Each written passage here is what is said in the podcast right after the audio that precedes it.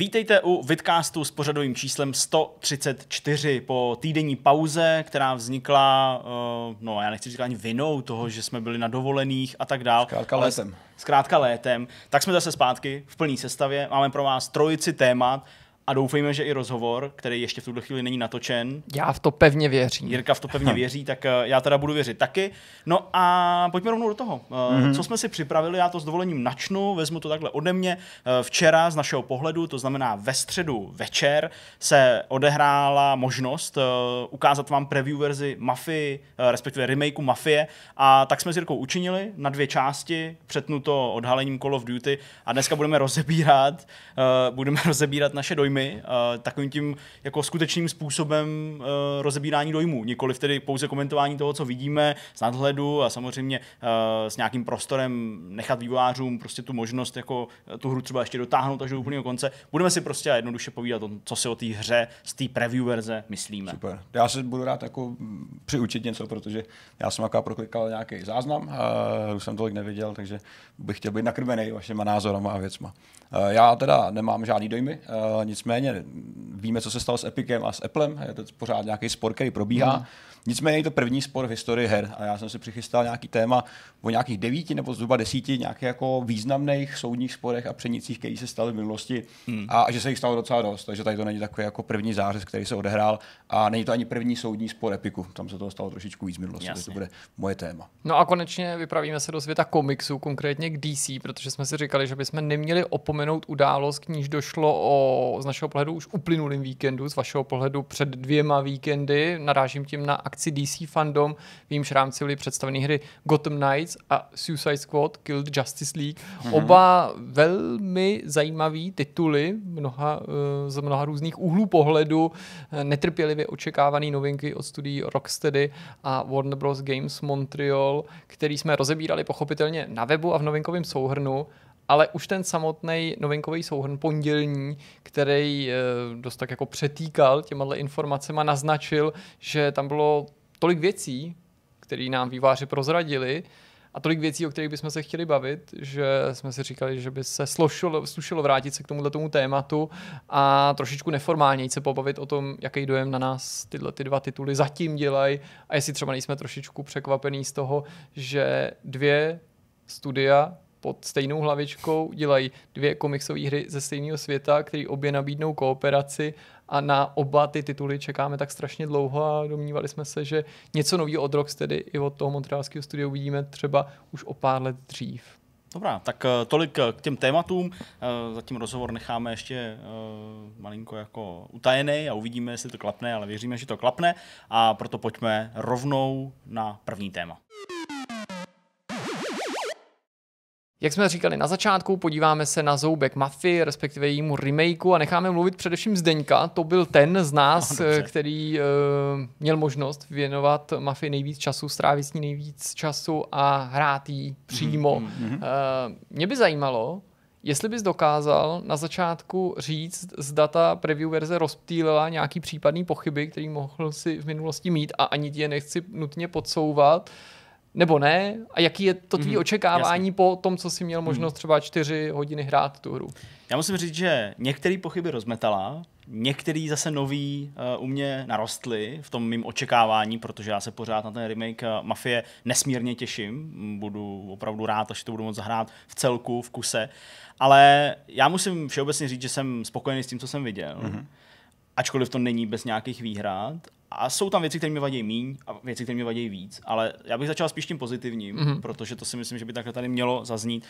A to je úroveň toho vizuálního zpracování, celkově to město, modely aut, eh, efekty, které v tom městě dřív z logických důvodů být nemohly ale líbí se mi i postavy, eh, líbí se mi obličeje těch postav, eh, které jsou teda malinko možná v očích českých diváků sraženy tím, že jsme tu hru streamovali z 95% v českém dubbingu nebo s českým dubbingem a ten nevznikal jako původní, takže lip sync opravdu neodpovídá, neodpovídá dost výrazně na některých mm-hmm. místech, takže rozumím, že jako ty obličeje, když to vezmeme globálně, tak jako možná nesplnějí to velké očekávání tím, že ten dubbing působí zvláštně, ale k dubbingu se ještě dostaneme na té úrovni těch eh, herců ono je na tyhle místě ale možná nutný říct, že k tomuhle dochází v těch lokalizacích pravděpodobně mnohem častěji, jenom si to neuvědomujeme, protože většinou hrajeme hry v angličtině, respektive v anglickém dubbingu, v anglickém znění, jemuž na míru. Ty dubbingy často mm. vznikají a naposledy ano. se něco podobného řešilo u Tsushimy, kde uh, anglický dubbing byl původní, japonština vlastně byla tím dodatečným jazykem, protože tu hru má na svědomí americký studio, taky si tam toho hráči začali mnohem víc všímat, ale myslím, že bychom si toho asi pravděpodobně všimli častěji, mm. kdybychom hráli hru třeba ve francouzštině, italštině, němčině,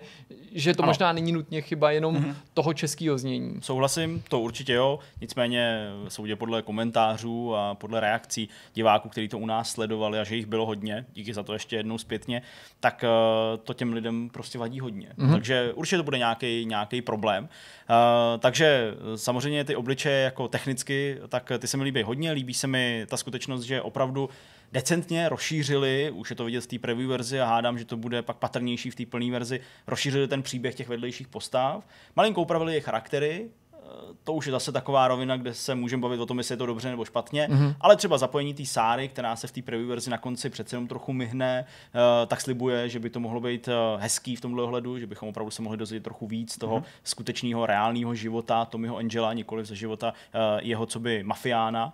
A moc se mi líbí to celkový zpracování toho města, já už jsem tady říkal, ale ta skutečnost, že prostě město narostlo do výšky, že má, mm, dejme tomu, takový jako rovnější ulice, který sice nejsou tak rovný, jak jsem si myslel, když o tom výváři mluvili, ale líp se v nich přece jenom trochu jako mm. jezdí a naviguje, tak eh, celkově já si vlastně říkám, že po grafické stránce, po technické stránce udělali pěkný krok kupředu mm. i oproti třeba Mafii trojce, přijde mi, že je tam méně takových efektů, té uh, neúplně pěkný mlhy, takového toho mm, rozmazání. Je to tady taky, ale ne, ne v takové míře a perfektně si myslím trefili uh, ty 30. let a dokázali mm. se vymanit malinko uh, z toho, že prostě jejich předchozí hra byla ze 70 nebo 60.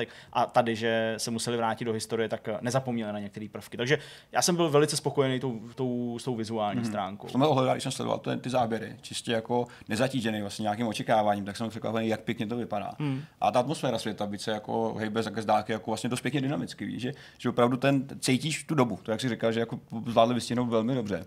A ten lip OK, ten asi není úplně jako zdatný, ale chápu, že lidi přesně koukají na ten dubbing velmi specificky u nás. Tím je tak jako to tak strašně jako citlivý téma, že to asi nejde fakt udělat úplně jako tak dobře, jak by si chtěl, protože ty reakce byly dost samozřejmě jako rozporuplný. Ale i reakce hráčů na tu hru samotnou mě překvapily, že skutečně jako je tam hodně jako, jako pólů, uh, ale je to mm-hmm. to líbí, nebo ne, nelíbí, počkám si na slevu. A to je asi taky asi daný jako tím zatížením té minulosti, protože já byť jsem jedničku hrál, nebo jedničku původní hru hrál jako docela razantně, když si dávno, tak vlastně jsem úplně zapomněl a úplně jsem si jako upustil hlavy. Takže, takže já jsem vlastně takový jako v očekávání. Trošku to mě zbuzuje takový jako L.A. Noir, uh, vibe lehkej, byť je to trošku jiný samozřejmě žánr. Nebo respektive spíš pracování toho žánru. A jsem vlastně zvědavý, co dál. Co mě zajímá teda specificky, tak je jízdní model, protože to je téma, který uh, byl dost jako náročný na, na uchopení. Známe, že příběhy o tom, jak byly hmm. těžké závody a, a, že těžký jsou, podle všeho, jsou, jsou. těžký dál. Uh, jak se to vlastně řídí, Zdeňku? Má to takový ten hmotný dojem? Eh, řídí se mnohem líp, než jsem si myslel, že se budou mhm. řídit. Mal, měl jsem velký obavy z toho, že to bude hodně takový jako přestřelený arkádový model, jako bylo, jako bylo v té Mafii trojce. Jsem rád, že to už vlastně tady mm, opakuju své slova, že se výváři dokázali z těch osidel uh, doby vzdálený cca 40 let od toho, co se odehrává v jedničce, vrátit teda zpátky. A ty auta jsou takový líný. Uh-huh. Někdo by ale řekl, zase na druhou stranu četl jsem prostě názory, že stejně až moc smikujou. Jo? Já tohle jako asi nedokážu úplně dobře vystihnout, ale rozhodně uh, nemáš tu rychlost, uh, se kterou přicházejí ty smyky, byť samozřejmě smyk udělat pak můžeš. Uh, nemůžu úplně asi posoudit, jestli je to lepší nebo horší než uh, v případě té jedničky uh, na téma fyzikálního, respektive jízdního modelu v jedničce nebo v jedničce v původní hře se toho namluvilo spoustu a spoustu z toho je určitě pravda, že každý kolo bylo simulovaný zvlášť a tyhle všechny věci. To tady asi takhle není mm-hmm. propracovaný, ale jako všeobecně za to já jsem neměl špatný pocit z toho mhm. řízení. Mm-hmm. Uh, to se týká i těch formulí uh, nebo těch nějakých dravějších aut, uh, kdy se chovají asi tak, jak bych očekával, že se budou chovat v nějaký městské akci, aspoň pro vystihnutý nějaký změny jo. oproti obyčejným autům. Takže ani s tím jsem měl žádný zásadní problém. Možná se ty formule přetáčí až moc, ale na druhou stranu bavíme se o autech, které jsou prostě starý 70, 80, Rako, Rako, 90 vlastně. let, jako jo. Uh, takže ty neměly žádný ABS, neměly žádný posilovač řízení. Jo. Mm. To mhm. jsou prostě všechno prvky, které pak znamenají, že když dupneš na brzdu v takovémhle autě, mm. tak je neposedný, mele se do té zatáčky, jo, sotva se tam vejde. Čili já jsem vlastně spokojený, ale zajímalo pravděpodobně, protože to byl ten asi jediný moment, kdy si Jirka na to taky mohl sáhnout mm-hmm. a právě ovládal tu formuli uh, v té misi, která předchází závodu. Mm-hmm. Tak co ty jsi na to říkal? Tak ono je to hrozně ošidný, že hodnotit no. to na základě takhle specifického momentu, právě protože jsem předtím neovládal ani jiný auto, nějaký obyčejný auto, ale ten první dojem byl pozitivní, vlastně mě to příjemně překvapilo. Tohle není že jo, ideální vstupní bod. to rozhodně ne. No, kdy se toho ujmou, kdy se to toho ne, no. chopit, ještě pak s tou poškozenou formulí se někam mm-hmm. vracet a pod tím časovým limitem a v městě, který už jsem si nepamatoval, kde mám jet, kam mám jet, kam ta trasa mě vede, takže jsem byl rozptýlený tím streamováním a tím úkolem.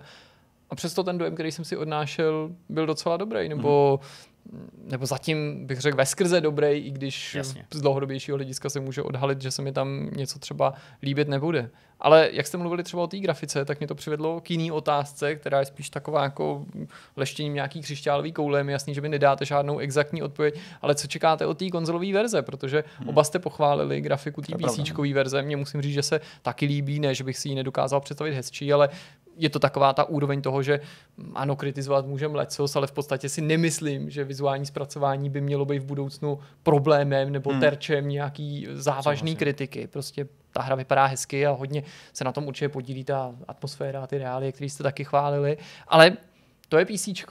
A my víme přitom, že ta hra nedorazí na nový konzole, alespoň zatím se tak hmm. autoři tváří, to znamená PlayStation 5 a Xbox Series X. A já mám no, obavu je možná silný slovo, ale trochu pochybnosti, jak hmm. dobře ta hra může vypadat na těch dosluhujících konzolích, s vědomím toho, jak vypadala třeba Mafie 3, s vědomím toho, jak vypadají ty ostatní hry a svědomím toho, že prostě se bavíme o sedm let starém hardwareu, jestli to říkám správně, tak ano. přemýšleli jste o tom, hmm. že jsme vlastně neměli možnost tu konzolovou hmm. verzi zatím spatřit a máte od ní nějaký snížený očekávání, nebo doufáte, že týhle tý úrovně přibližně půjde dosáhnout, protože ano, máme tady řadu multiplatformních her, včetně sandboxů nebo městských akcí, mám-li být přesnej, a řada z nich vypadá na PC líp, a přesto častokrát pořád vypadají na těch konzolích velmi slušně. Mm-hmm. Sluší možná zamyslet nad tím, na jakých úrovních se bude optimalizovat, protože se musí někde optimalizovat. Vlastně. A něco se musí asi obětovat. A jestli to bude rozlišení, bude to frame rate, ve prospěch nějaké hratelnosti, protože i ten jízdní model, byť není tak eh, detailní, řekněme, jako byl kdysi dávno, tak určitě si nějaký výkon unese. To samé, že ty, ty, ty věci, které se dějou ve světě, to znamená nějaké animace, nějaká, nějaký jajíčka a podobně. Ty ulice a... jsou poměrně dost živý, hodně postav, tak, no. to, díky hmm. tomu to taky působí takovým realistickým dojmem. Že šetřit se dá jako technicky, vizuálně, ale pak jak třeba jako hustotou toho světa, jak říkáš ty, že to může být taky jako, eh, no, může to mít dopad na ten celkový dojem, který my teďka celkem jako chválíme, ale to je asi fakt otázka jako budoucnosti, no, protože hmm. s konzolí jsme zatím neviděli vlastně vůbec nic, že? Ani, ani jeden jako záběr, ne, nic z toho. A nebo to aspoň tak autoři neakcentovali, takže bylo logický předpokládat, že vždycky to, co se ukazovalo, bylo z PC mm, verze, mm, jako ty mm. nejlepší dostupný. Při tom prez, při té prezentaci těch oficiálního gameplaye z té mise v, v tu noc, že s tím pašováním a tak dále, sice lidi poukazovali na to, že tam je vidět konzolový rozhraní, respektive rozhraní Xboxového ovladače, ale to dneska nic neznamená. To, to znamenalo... verzi, kdy jsme přepli No na, jasně, na jasně, gamepad, to je gamepad připojený k, k počítači, ostatně Přesně. to je způsob, kterým spousta lidí v Americe ty hry primárně hraje, tak hmm. se dá očekávat, že vývojáři tomu jdou trošičku naproti. Hmm. Já asi neposloužím žádným exaktním jako měřením nebo nějakou analýzou výkonu té preview verze, takže vycházím ze svého pocitu a z nějakých vzpomínek na PC verzi Mafy trojky a tam zase nevím, jak to bylo zatížený tím, že třeba ta hra nemusela být ještě dobře opečovaná, když jsem jí hrál, i když já jsem pak hrál už až po vydání i těch DLCček hodně, takže už asi nějaký peč za sebou měla, ale k čemu mířím? Přijde mi, že ta preview verze uh, té jedničky, respektive remakeu té jedničky byla svižnější, rychlejší, líp se načítala a neměla takový nároky na ten hardware jako ta trojka, vydaná hmm. před x hmm. rokama. Takže mm, nevím, jestli to zdání, nechci, aby z tohohle někdo dělal nějaký závěry, ale vlastně já bych se nedivil, kdyby to na těch konzolích fungovalo. Aha. A myslím si, že si na tom dají obzvlášť záležet vývojáři po všech těch fópách, který přicházeli s těma definitivníma edicema uh, dvojky a, a trojky. Mm, u té dvojky zejména, na PlayStationu. Zejména, vlastně. kde to fakt nezvládli a ta hra opravdu byla rozbitá jako do stavu, kdy se nedala hrát. A Ale tam za to teda nemohli původní autoři nebo ani, ani přímo 2K, tam se o to stalo nějaký to externí studio, který nemá teda s remakem jedničky nic společného. o tu reputaci, jakože jasně, my prostě tady v České republice, protože tady někdo zpracovává hru, která je národním pokladem, tak hmm. uh, hráči mají tendenci prostě mluvit o tom, že Hangar 13 je banda neschopných kreténů, který prostě neumí vůbec nic udělat, ale jsou to výváři a jejich zájmem je taky asi, aby ta hra fungovala, aby takým hmm. lidi nenadávali jenom. Takže já myslím, že to je v jejich zájmu, aby prostě to na těch konzolích běželo, ale určitě, jak říkal Petr, prostě bude muset eh, přijít ke slovu uh, nějaký osekávání, hmm. nějaký detaily asi budou muset být snížený a uvidíme, jak pak ta hra bude vypadat, protože já jako nevěřím tomu, že by ji nechtěli vydat na nových konzolích, tak jak bude vypadat prostě s možností SSDček a podobně, jestli to třeba vrátí zpátky do úrovně grafiky na PC, nebo to bude třeba hmm. ještě lepší, hmm. kdo ví, ale jako fakt myslím, a dobře jsi to, dobře jsi to Jirko řekl, že grafická stránka téhle hry nebude tím problémem, hmm. zejména pro český hráče, bych řekl. Další věc, o které bych chtěl popovídat, je dubbing a tím vůbec nenaznačuju, hmm. že jsme překonali něco, co problémem nebude a naznačit, že dubbing problémem bude. Tam bych se chtěl bavit i určitě o tom obsazení, ale o tom, jaký dojem prostě jsme si z toho odnesli. Už během toho streamu jsme to trošičku hodnotili. E, pořád ve mně přetrvávají určitý pochybnosti stran obsazení Marka Vašuta, i když vím, že tím můžu spoustu diváků nebo hráčů popudit a nemyslím ti vůbec nic špatného vůči Marku Vašutovi. Je mi naprosto jasný, proč si tu roli zopakuje.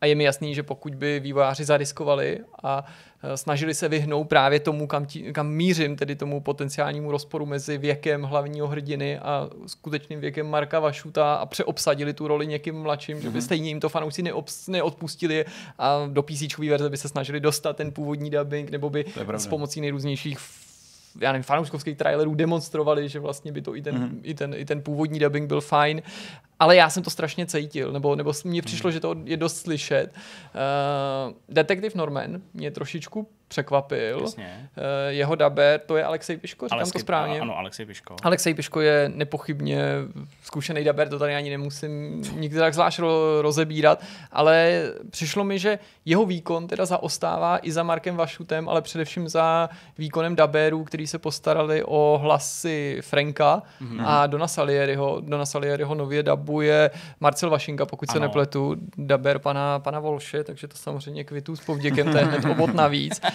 A přijde mi, že Salieri a Frank zní úplně skvěle. Frank to je původní hlas, že jo? Ano, Frank je původní. Ale to jsou stejně skvělí dabéři jako pan Piško, nepochybně, já nechci říkat, že jeden dabér je lepší než druhý, vůbec ani v tomhle nemám žádný jako mm, ani nadprůměrný přehled, abych si osoboval právo hodnotit, kdo je jaký dabér. Ale přišlo mi, že se víc vypořádali s, to, s tím úkolem dabovat uh, videohru. Mm-hmm. A pořád si říkám, je to teda tím, že je dubbing té videohry odlišnou disciplínou, nebo že třeba neměli všechny ty referenční materiály, ale to asi ne, asi museli se trefovat těm postavám do úst, tak mi přijde, že z nějakého důvodu ten výkon Alexe Piška mi přišel trošku sterilní, ale nedokáz, nedokážu, protože nejsem prostě profík a nepohybuju se na té scéně, vystihnout nebo pojmenovat přesně ten důvod, proč hmm. tomu tak je. Mně to přišlo v těch prvních větách, já jsem tam vůbec nepoznával, že hlas Alexe Piška si spousta fanoušků akčních filmů spojuje s postavou nebo s hercem Brusem Willisem a já jsem opravdu jako v první prvních větách vůbec nepoznával. V těch prvních větách, kdy teda promluví na Tommyho v té restauraci. Až pak v průběhu toho dialogu tak eh, se dostal do té pozice, kde ten hlas byl v té barvě, kterou teda si asociuju ve své hlavě s Brusem Willisem. A možná ten začátek a nebyl taky tak třeba emotivní, možná, protože možná. Salieri Frank do toho dávají takový ty emoce, které jsou možná až trochu klišovitý pro někoho, ale že to fungovalo. Jo, jo, a tady jo, něco tomu chybělo. Něco, co ani já nedokážu nějak pojmenovat, ale pokud bych měl mluvit o tom obsazení Marka Vašuta, je to hrozně těžký. Jako, mm-hmm. jo, já myslím, že tady vydavatel prostě, ale asi i vývojáři si to uvědomují, že je to prostě hra, která tady způsobila uh, určitý, určitou změnu možná pohledu mm-hmm. na, na český herní vývojáře, na jejich možnosti. Viděli jsme prostě světovou hru, uh, která třeba možná nedostála uh, takového takovýho, uh, ocenění zahraničí, ale prostě pořád je považovaná za fakticky skvělou a proto si jako neobsadit uh, ta Marka to by byl problém, ale mm, taky mi přijde, že ten rozpor je až příliš znatelný a viditelný. Já jsem pak chvilku pouštěl v té anglické verzi mm-hmm. na závěr té druhé části toho streamu a prostě mi to přišlo technicky lepší, mm-hmm. že ty hlasy zněly líp, že byly líp natočený logicky, protože to prostě nahrávají na tom place, tak i ty emoce byly znát mm-hmm. jako mnohem líp. A hlas, ta barva toho hlasu uh, u Tomiho mi v tom originále jako sedí víc, ale stejně si to nevím představit bez toho Ašuta mm. a bez takového toho trapného humoru těch dalších postav, mm. které tam samozřejmě jsou taky. Ještě bychom určitě měli zmínit výkon Petra Rychlýho, ne?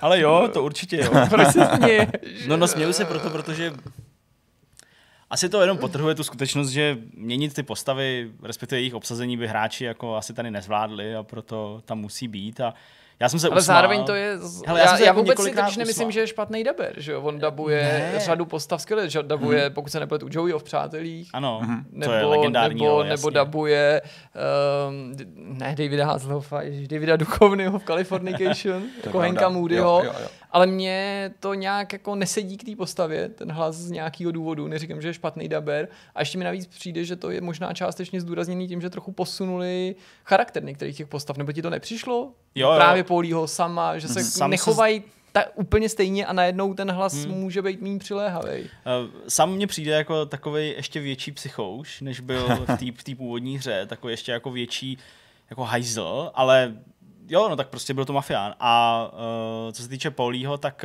uh, asi to podle mě bude taková jako větší troska, mně přijde, možná, jo, v té v té nové verzi. A nesedí mi tam úplně tolik ten rychlý, protože mně přijde, že se jako tak trochu vytratil možná ten vtip z té postavy, když on se jako směje, jako dělá tam nějaký vtípky, tam že ho šikanuje toho Ralfa a, a, a podobně. No, ale že je to možná Ale- už takový jako zlejší, ne? Tak, Tak, proto přesně, ten jako jeho odlehčený projev. tolik možná to tolik nesedí, ale zase bych jsem si lhal do kapsy, kdyby jsem řekl, že jsem se jako ne- nepousmál těm bezprostředním jako českým nadávkám, který tam prostě v jeho podání zazněj a možná mi u toho klesá trochu IQ, ale já jsem jako ve výsledku rád, že tam ta postava takhle je a že tam takhle mluví. Možná, možná to prostě nesedí úplně tomu původnímu scénáři toho remakeu nebo tomu prostě vylepšenému scénáři pro ten remake a pak asi budu hodně zvědavý, jak to zní v tom originále. Zase slyšel jsem to chviličku a víceméně jenom zase z té mise uh, výlet do přírody, tak uh, pak to třeba budu porovnávat, ale jako je to hrozně trapný, ale asi to tam patří. No a ještě mi to přivedlo k jedné věci, když už se bavíme o tom scénáři a o tom, že třeba ne vždycky je nám ten projev uh, tak příjemný, jak Ano. jsme si mysleli, nebo ne nutně nám, ale některým z diváků, když se to hodnotilo, přemílelo, protože na to není jako žádný jednotný názor. Někdo To ne. naopak říkal, že se mu hlasy, který třeba nám tolik nesedli, líbí víc a naopak ty, co jsme chválili, tak nebyli každému pochuti. Ale někde jsem taky čet, že by to mohlo souviset s tím scénářem. A ne nutně proto, že by ten scénář byl špatný, ale protože prostě ten scénář byl napsaný v nějaký době a možná by dneska nebyl napsaný úplně stejně, i přesto, že prošel těma úpravama. A zajímavý je, že docela jsem našel trefný podotek na internetu, zatímco my tady v Česku poměrně logicky věnujeme velkou pozornost tomu dubbingu, tomu, jestli ta hra je dostatečně náročná, jestli bude mít volnou jízdu, extrémní jízdu, klasickou obtížnost. Eh, Vadí nám, že nás příliš vede za ruku, že má příliš ukazatelů v hadu nebo v hrozhraní, že jsou tam některé možná zjednodušení nebo prvky, které můžou, ale nemusí naznačovat, že to bude akčnější, výbušný sudy.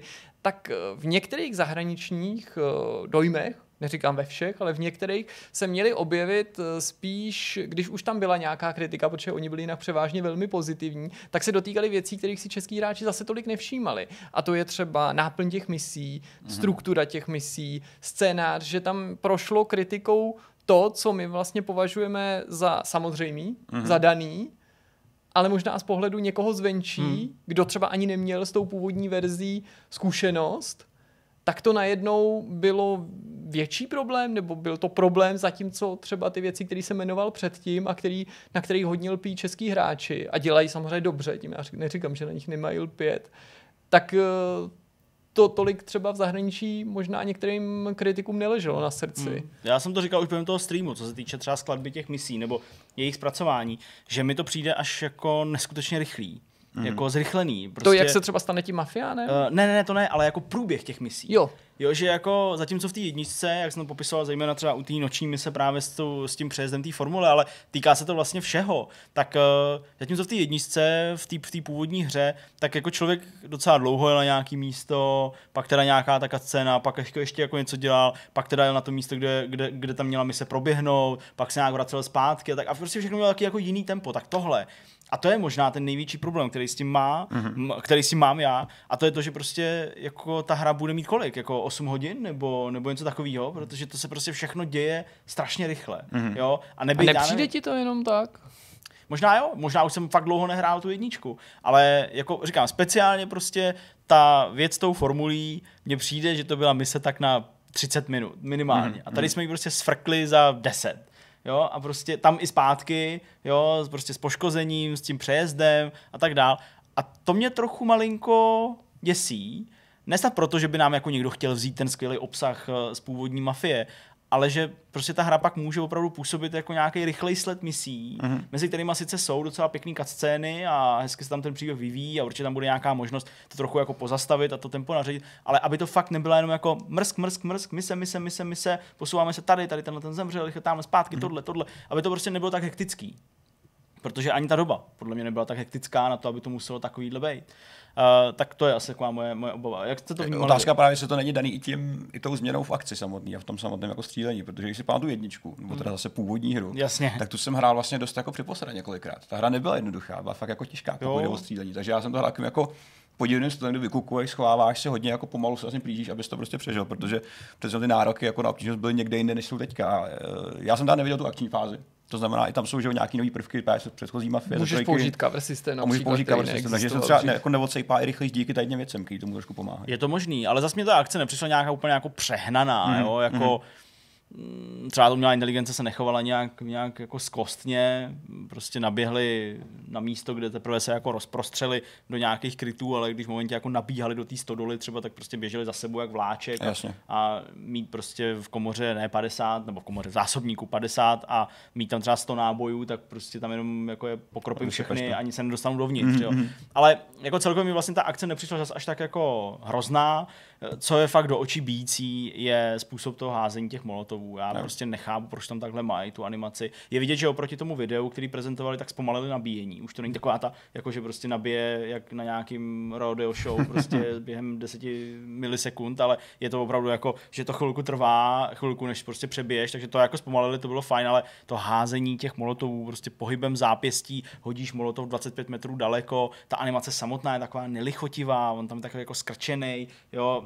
Mm-hmm. To jsou prostě třeba věci, které mě jako vadí a asi by mi vadily u jakýkoliv jiný hry, že to prostě působí zvláštně. Říkal jsem si to u té trojky. Jo. Jako odehrál jsem jí, ale pokaždý, když jsem házel granát, molotov nebo něco, si říkal, ty vole, co to zase je, jo. Takže eh, to jsou třeba věci, kterými, kterými tam vadí, ale nepřijde mi ta akce, že by to nějak urychlovalo. Mně opravdu přijde, že ta struktura těch misí je zdrcnutá, mm-hmm aby to všechno bylo rychlejší. A pak jde ruku v ruce s tím, to, co nejde vypnout, alespoň prozatím, to, co jsme tam s Jirkou zkoušeli zjistit, a to jsou ty ukazatele, uh, který tě vedou na to místo. Hele, nic proti ukazatelům, který tě vedou na místo. Jako ne všichni jsou tak bystří, ne všichni prostě jako mají chuť to hrát tak, že budou koukat jenom do mapy. Ale Jasně. ty máš ukazatele na minimapě, kde ti ukazuje, ukazuje čáru, máš ukazatele ve městě, který ti jako virtuální cedulky ukazují, jeď rovně nebo zatoč. A pak máš ještě velký čtverec, kosočtverec, který ti prostě úplně přes všechny objekty ukazuje přímou čáru k tomu, Jo, jo, kam jo, máš jo, jo. jet. Jo? A jsou to prostě tři prvky, které se na druhou uh, úroveň obtížnosti ze čtyř jo, neustále v té hře ukazují a nejdou vypnout. Mm-hmm, Jenom když Docela dáš na klasickou úroveň obtížnosti, tak prostě vypneš ty virtuální cedule v tom, v tom, v tom světě. Ale tím měníš i obtížnost té hry a každý Ale tím mít pak- ano, že přesně, jo, někdo přesně. chce Přesně mít tak. standardní výzvu, Ale- nebo nechce to být eh, tak náročný, Přesně, ale no. nechce být no. vést za ruku. Furt tam máš, furt tam máš prostě ten, ten obrovský uh, kosočtverec, furt prostě se objevuje nad hlavou postavy, kterou máš následovat, kterou znáš, je to polí, je před tebou půl metru a on to má nad hlavou jak simík Jo. prostě.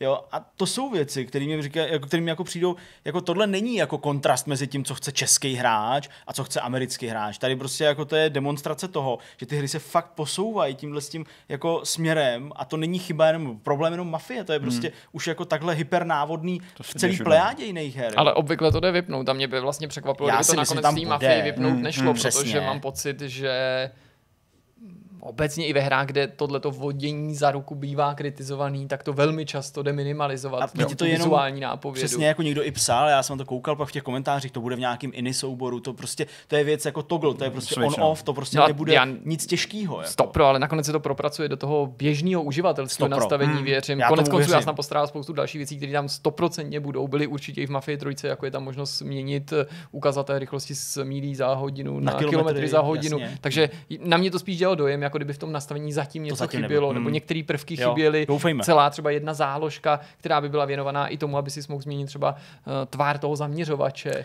A přitom tohle jsou věci, které podle mě těm hráčům, byť je to úplná takováhle jako toggle blbost, jo, prostě mm-hmm. vypnout, zapnout, tak to těm hráčům ale jako dává mnohem lepší pocit z té hry ten pocit z toho, že jsi to sami našli na té mapě, jo, tam prostě mise, kdy vezeš domů Polího po tom závodě, hmm. to už Jirka neviděl, protože byl v té části, kdy už, kdy už jsem to streamoval sám, tak tam on ti řekne, že on je, on je opilej, udělá tam jako neplechu, prostě ostudu na té na tý párty po tom závodě a ty ho máš jako naložit do auta a odvízt ho domů. Mm-hmm. Ale on ti prostě celou dobu říká, jedem za holkama, pojď, odvěz mě prostě na ostrov, tam je prostě cedule a prostě modrá, tam to jako najdeš.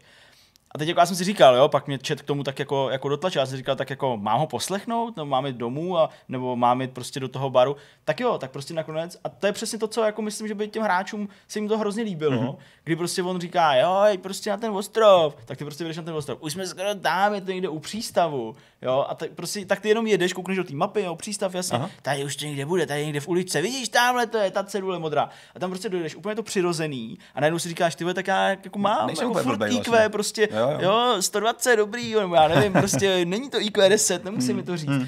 A tohle, kdyby v té hře bylo, tak si myslím, že ty hráči jako odpustí celou plejádu jiných věcí. A myslím, že to dobře demonstruje, hmm. budeme se o tom bavit za chvilku. I třeba skutečnost, že prostě VB Games Montreal potvrdili, že jdou vypnout číslička poškození v Gotham Knights a rázem všichni říkají, no tak to je super, mm-hmm. no tak to je boží, to teďka si chci zahrát, protože ty čísla jsou ohyzdný, ale teď už je to super. Přitom se nic nemění na tom systému. Taková maličkost vlastně. Přesně. Jo. To, je, to je věc, která se teďka jako hodně plíží, uh, že vlastně slovíčkem accessibility a přístupnost ve hrách, mm. uh, kdy se to postupně prokopává skrz.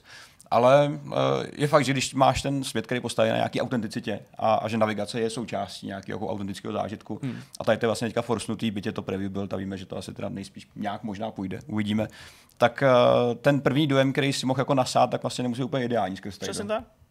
To je, to je pravda. Co ty, Jirko, na to jako říkáš tak celkově? Viděl jsi značnou část až do závodu, pak už byla opravdu jen jedna mise. Pro mě je to strašně těžký hodnotit z toho důvodu, že to je jako kdyby se mě zeptal, jaký to je vyspat se s Mijou Kalífou po tom, co jsem viděl její video na Pornhubu. Asi takovýhle z toho mám dojem. Já mám pocit, jako, že dneska každý je se vším hned hotový, hmm. že většina lidí říká, stačí mi vidět jeden trailer, stačí mi vidět gameplay a, a vím, jak, vím.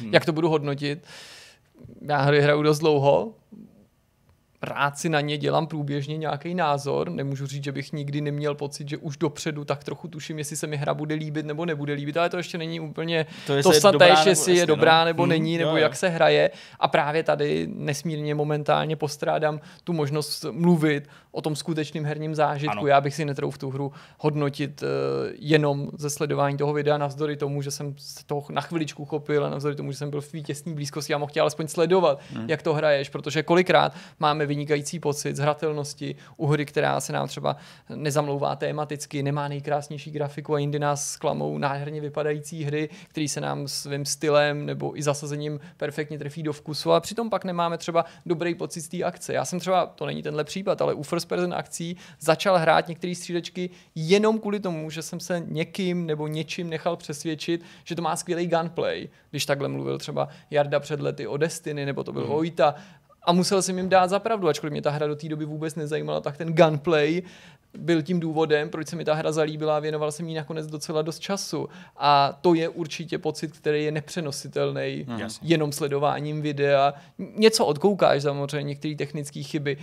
A já si myslím, že hra, jako je Mafie, i když to není střílečka, tak je v ní ta akce natolik důležitá, ten pocit z té akce, a hmm. je v ní ta jízda a natolik důležitý ten pocit z té jízdy, že si zatím netroufnu jako vyřknout hmm. ani žádný jako předběžný ortel, ale rozhodně mě ta ukázka, to, co jsem sledoval, nesklamala. Ale je nutný a určitě taky zdůraznit, že já jsem k ní jako přistupoval poměrně pozitivně, nebo já jsem neměl zatím důvod hmm nevěřit v to, že by se ta hra mohla povíst. Jako hmm. jasně mm, respektuju výtky všeho druhu, a uvědomuji si, nebo chápu, odkud část té kritiky pramení a k tomu nejsem hluchý a slepej.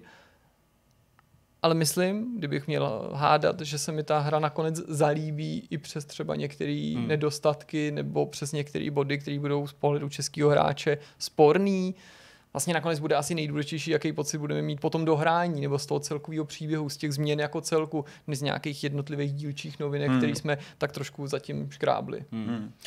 Já možná na závěr jenom prostě řeknu to, že ty hry uh, jsou a budou určitě úplně jinačí. Ta původní i ten, i ten remake. Vím, že spoustu hráčů uh, už teď na to zanevřelo jen na základě té ukázky, což si myslím, že je škoda, protože bychom prostě měli dát tu šanci každému uh, ukázat pak ten finální produkt a hodnotit až ten finální produkt, když samozřejmě na názor má každý vlastní právo, to je určitě pravda, ale ty hry prostě budou jiný. Hmm a myslím, že tady bude spoustu, spoustu hráčů, který té hře budou vytýkat nekriticky úplně všechno.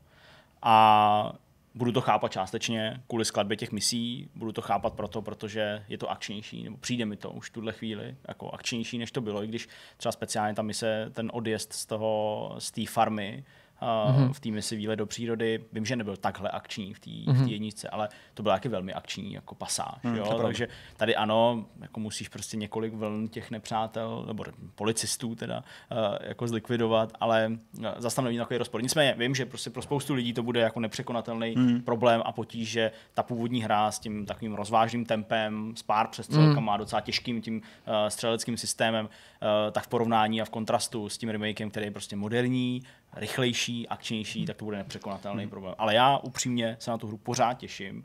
Pořád jako hmm. mám velkou chuť, jako teď, kdyby jsem měl tu plnou verzi, tak jako po dnešním streamu uh, Gamescomu nebo Opening Night Live 10 bych jel prostě domů a minimálně do jedné rána bych to ještě hrál, abych se prostě dostal v té hře To je dobrý předpoklad, prostě, nebo dobrá nějaká fakt, vizitka. Fakt fajn. jako těším se na to a je prostě potřeba v té hlavě to malinko odlišit, že prostě to není ta stejná hra, jako byla předtím, je to prostě remake a budou tam změny. Protože neexistuje jedno správný nebo špatný hodnocení, žádný univerzální, každý hráč, každý člověk, každý kritik, jakýkoliv fanoušek má právo na to svý vlastní hodnocení. Není tady jedno Určitě. univerzálně platný špatný a není jim dokonce ani žádný průměr na metakritiku, tak já jsem nakonec možná ze všeho nejvíc vědavý, jak ta hra bude hodnocená a obecně přijatá v zahraničí a jak a u nás. Nakolik mm. to naše zatížení nostalgií může tomu remakeu pomoct, anebo mu naopak přitížit. A vůbec to nechci zatím předjímat, protože je, prostě si dokážu představit všechny scénáře. Dokážu si představit scénář, ve kterém český hráči budou z těch důvodů, o kterých jsme se tady bavili a nemá smysl se v nich dál hrát kritičtější než zahraniční hráči a tam třeba ta hra způsobí velkou senzaci, ale umím si představit i situaci, kdy se ukáže být ve světovém měřítku nebo ze světového pohledu třeba příjemná, lehce nadprůměrná, ale v Česku i přes tu kritiku třeba bude nakonec hodnocená zase o pár, těch pár stupňů víc, protože prostě je to mafie. Hmm. A, jak říká Lipoduška, ale já jsem to nechtěl říct. Mafie je mafie. Na našem webu a v novinkových souhrnech se poslední dobou docela jako těsně uh, koukám na ten spor mezi uh, Epicem, Applem, Googlem, uh, i do toho, jak tam takhle jako ze sporu dostal Microsoft, mm-hmm. uh, co by hlas vývojářů a podobně. Vždycky někdo vykukuje takhle, že by se jako kouká. A vlastně to docela fascinuje. A obecně, jako spory velkých společností, to vyústění, to, jak někde to zahraní do kouta, je to jenom mimosoudní, někdy je z toho precedent a prostě vznikne z toho nějaká, uh, nějaký nový pravidlo, jak mm-hmm. se někdo říká. Tak mě to, mě, mě to prostě líbí. Já jsem jo. vlastně rád, že se takovýhle téma tady zpracoval. Velký uh, spory, které se týkaly herních společností. A protože některý z nich uh, asi známe, jsem si jistý, že Jirkou. Uh, přesně tak, tak mě bude zajímat, co dalšího nám k tomu povíš. Případně jaký úplně nějaký neznámý tady pro nás připravil. Já jsem si vysloveně vzal ty spory, které jsou nějakým způsobem významný, buď dopadem na herní průmysl, nebo na nějaký právo s tím spojený, anebo jsou prostě zajímavý sami o sobě.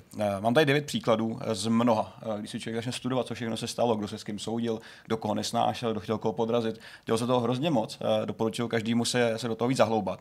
Hrozně skvělý je vidět, že to právo vlastně jako nediskriminuje. Je jedno, jestli přijde velká společnost, co se soudí s malou, a takový to právní vyznění je vždycky strašně neutrální a hrozně hezký vidět, že tam skutečně a je to tak, má protože někdo... ve Spojených státech se často říká, že vyhrává ty spory ten, kdo si je může dovolit. Ve smyslu ne, že by někoho uplatil, ale kdo může ten spor víc dost dlouho. Jsem si skoro jistý, že to takhle může být, že jsou nějaký případy. A my tady máme jeden takový, eh, který může takhle znít.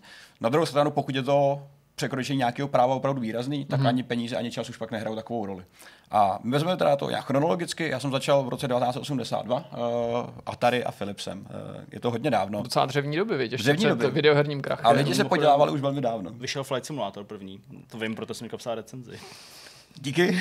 Fun fact. Bohužel, ale, ale ten není bohužel. součástí tohoto Škoda. sporu. Nikdo nikoho ještě nezažoval ohledně Mi- Microsoft simulátoru, eh, no, Flight simulátoru. Nicméně, Atari a Philips. eh, Co mělo Atari, nebo co, měl, co Atari měl dělat ve, v roce 1982? Měl vydávat Pac-Mana na konzole. To bylo jejich výhradní právo eh, po úspěchu že, arkádového Nam- Namco, který vlastně že, Pac-Mana, tak oni měli mm-hmm. to právo vydávat na domácích konzolích. To je Jasně. přece jako krásný, jako to chceš. To Já si super. vzpomínám, protože ta konverze nakonec, ne teda, že bych si to pamatoval, ale vzpomínám si na to, že nejrůznějších příležitostech bývá pak připomínaný, že ten port konzolový nebyl příliš dobrý a společně s mm-hmm. a dalšíma nepovedenýma věcma měl přispět k tomu splasknutí té videoherní bubliny v půlce 80. let. ten výraz nepovedený je docela podstatný v tomhle tom, protože uh, do toho všeho ještě hodil vidle Philips, který tak nějak jako přišel bokem a jak uvidíte, ten důvod toho sporu je celkem zřetelný. To, co vidíte teďka, tak je normální původní Pac-Man. A to, co vidíte teďka, tak je hra, která se jmenuje Casey Munchkin. Uh, hra, která se velmi úzce, podle všeho, teda jako inspiruje, možná trošku víc, než, než inspiruje původním Pac-Manem. A měla tu výhodu, že dokonce vyšla o rok dřív, než, než Pac-Man vyšel v roce 1982. To znamená, je takový jako strategický risk, který tehdy Atari vycítil. Mm-hmm. Ten autor uh, se jmenuje, uh, teďka ukážu, mám tady jeho jméno, Ed Everett. Je to člověk, který mu teda až zpětně po tom sporu přiznali, že se uh, jako víc inspiroval, než měl. A ten největší problém byl přesně ta, ta, to načasování. A to vlastně způsobilo, že ten, ten vůbec ten pozornost směřovanou vůči tady tomu titulu, který se tam jako by the way jmenuje eh, podle tehdejšího ředitele společnosti Philips, což byl uh, Kenneth Menkin, oni to vlastně udělali Casey, Casey Munchkin. To je teda skutečně jako Inspirace jménem. Je to divná inspirace. velmi nenápadný, takový jako jemný náznak. Je ale to- to... tedy ještě nebylo na žádnou konzoli od Flipsu, ale na, na Odyssey. Přesně jo? tak, Magnavox Odyssey, která byla jako domácí, domácí konzolí. Uh, Původní teda záměr a tady zažilovat Philips prošel, byť v prvním kole se ukázalo, že, že, že to smetli ze stolu, že tohle není problém. Nicméně po odvolání už jako si někdo dal tu práci a uh, trošku se prohrabal tím samotným i kódem uh, hry jako takový a už bylo jasný, že tam teda jako ta inspirace je trošku větší, že skutečně i něco se jako ukradlo tak nějak a, a vlastně ten největší jako problém byl ten, že to jádro zůstalo, ale spíš udělali krok, jako zametli ty původní věci po Pac-Manovi. Jo, to mm-hmm. znamená, že, že Casey Munchkin jako hra, byť vyšla, tak uh, neúplně úspěšně a samozřejmě tady ten spor vyhrál Atari, protože zkrátka uh, bylo to celkem jednoznačný a ve prospěch Atari. Nicméně samozřejmě, jaký byl výsledek, tak museli se stáhnout veškeré kopie, hmm. všechno se muselo zničit a šlo z prodejů všechno pryč. Nicméně tenhle ten spor je významný proto, protože je to vlastně jeden vůbec první spor, kde se řeší vlastnický právo a software. Hmm. To je něco, co bylo kdysi jako neznámý a i vlastně dlouhodobě potom se ještě jako pořád hledaly cesty, jak je zanést do ústavy, do nějakých jako právního systému a jak se jim bránit. Tohle to byl skutečně výrazný první spor ve hrách, který skutečně určil, že OK, já jsem tady nějaký autor, mám asi nějaký právo, ale ještě není nikdy definovaný. To znamená, že musel přijít první takový problém, který to vlastně vyřešil a rozseknul. Zajímavé je, že v těch dřevních dobách skutečně to kopírování nebo ta výrazná nápodoba byla mnohem běžnější než dneska, Ano, ano. nejen kvůli tomu právnímu neukotvení, na který si narážel ty, ale prostě kvůli tomu, že ten manévrovací prostor autorů tehdy nebyl zdaleka tak široký a přijít s něčím opravdu novým a v jiný grafice bylo velmi náročný. Dneska jsou ty hry často velmi podobají mm-hmm. ve smyslu hratelnosti, ale pochopitelně, protože vypadají úplně jinak, nebo, mm. nebo grafika nám dává možnost je zcela jako transformovat co do podoby, tak se s tím už tolik nesetkáváme, ale když se podíváš na Pong na jedné straně a třeba na další straně na Breakout, tak ti dojde, že Breakout je jenom evolucí Pongu. Ano, ano. A podobně mm, to se to má třeba i s nejrůznějšíma akcema, jo? že Space Invaders zase inspirovali něco a tak dále, že tam si mohl vysloveně sledovat ty jednotlivé evoluční kroky, takže muselo být eh, z- i z tehdejšího pohledu docela obtížný určit, kde končí teda ještě ta inspirace, mm-hmm. která je přípustná a kde už začíná nějaký plagiat nebo něco, co je nekorektní nebo nepřípustný z hlediska práva, ale třeba nějaký morálky. To je přesně ta myšlenka, která se formuje v průběhu dalších let. Uh, tenhle ten spor, který teďka následujeme, tak je to Universal Studios proti Nintendo. Uh, jak se může filmová společnost soudit s výrobcem her? Uh, co si myslíte, že v roce 1984, kdy tenhle spor vrcholil, měly tyhle firmy společného? A kdo koho bylo? žaluje? Universal, Universal žaluje Nintendo. No, umím si představit, že Nintendo mohlo udělat nějakou videohru, která mohla připomenout nějaký film nebo postavu ze snímku od Universalu. Přesně tak. Ten spor vlastně nebyl spor uh, jako Jo, značky takhle. jako produktu. OK. Někdo si řekl, ten někdo No se jmenuje no. Sid Sheinberg, Sidney Sheinberg, eh, jedna z největších vlastně osobností Universalu, která stála za, za růstem značky a za růstem studia. On byl ten, který pro, protlačil Jaws, eh, E.T., uh, Jurský park, to byl ten člověk, který vlastně jakoby vyrobil Universal tak, jak ho známe dneska. A tehdy měl záměr, že by se chtěl po tom úspěchu ve filmech dostat i do her. A hledal způsob, jak to udělat. Sám nemá zkušenosti, sám nemá žádný studio, který by něco vyrábělo tak pojďme jako trošku svinskou taktiku, máme peníze, pojďme prostě se tam dostat jako na hrubo. A tehdy on pověřil svého dvorního právníka, protože on sám měl právnický, právnický background, aby tady existuje nějaký Donkey Kong, tak aby ho proskoumal, co se tam vlastně jako děje. A vynalezli takovou taktiku, která byla jako nepodložená tou dobou, že je zažalují protože někomu došlo, že Donkey Kong zní jako King Kong a tím pádem se určitě inspiruje a tím pádem je to vlastně čorka, takže musíme zažalovat a nechat je to stáhnout. Od, od rozhodnutí chtěli bychom dělat hry, po, pojďme zažalovat někoho, kdo už hry dělá. To je, je, hele, je, to, je to fakt jako zajímavá cesta, která teda naštěstí nevyšla. To můžu jako teďka vyspojovat, že ten, ten spor uh, vlastně vyhrálo Nintendo, byť výhra je taková jako dost, eh, dost jako v úvozovkách uh, nastavená. Nicméně cesta k té výhře vedla přes ještě další několik kroků, protože Nintendo se spolčilo s, se společností Colecom, která měla vlastně vyrábět vyrábět a aby byla partnerem vlastně dodávání Donkey Konga jako takového do domácností. A první krok je teda Universal vedli ke koleku zastrašit, jestli to vydáte, zažalem vás, bez nějakých jako vlastně vůbec ještě v té době právních základů. Tehdy to byla fakt jenom výhruška mm. a doufali, že se tak zaleknou, že to prostě nevíde. OK, koleko se teda spolčilo s Nintendem, aby se jako dohodli, co dál. Uh, přišel formální dopis ještě ten týden, který říkal, máte dva, dva dny na to zbavit se všeho, uh, předat nám veškeré finanční podklady a my vás necháme být. Nintendo už tou dobou už jako vědělo, byl to člověk, který vlastně do dneška, nebo ještě dlouho nedávno, byl takovým dvorním právníkem Nintendo, jmenuje se Howard Lincoln. Výrazná osobnost, ke který se ještě vrátíme. Má takový dost jako americký typický jméno, takový silný. A ten říkal, že hele, už si nás někdo všímá a znamená to, že to zvládáme, jsme úspěšní. A to byl ten důvod, že postavíme se jim, nějak to vyřešíme a necháme to být. přístup. Bohužel teda, jak Nintendo dodává, tak koleko se zaleklo a dalo Universal aspoň nějaký podíl, nějaký šéry. Nicméně nakonec to šlo až k soudu, kdy, kdy Universal se teda rozhodl přejít k té ofenzivě a zažalovat je. A to už byl tak asi jako trošku problém, byť přes několik meetingů, které spolu ty firmy měly, hmm. kde se měli snažit nějak dohodnout, tak Nintendo se nenechalo úplně rozvyklat a pak došlo teda na souzení. Tady je krásný to, že ten sport trval sedm dní. Normálně takovéhle věci trvají třeba léta, měsíce. Když už došlo na to lámání chleba, to skutečně nebylo tak, tak náročný.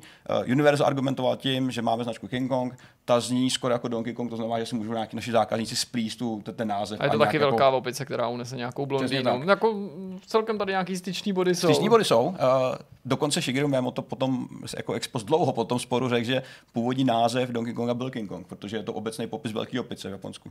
To už takže, asi fakt neprošlo. To už by neprošlo, si to ještě uvědomil dlouho předtím, než to šlo ven. Hmm. Nicméně Nintendo uh, tehdy vlastně najalo svého, svého dneska už legendárního, bohužel už teda po smrti, uh, Johna Kirbyho, legendární, říkám proto, protože je to člověk, který vlastně vyhrál ten, ten celý spor. Mm-hmm. Uh, je to člověk, který zajistil, že Nintendo uh, ne, neprohrálo, dokonce vysvodil 50 tisíc dolarů ve své době, což je docela dost na, tu, na, ten, na ten moment.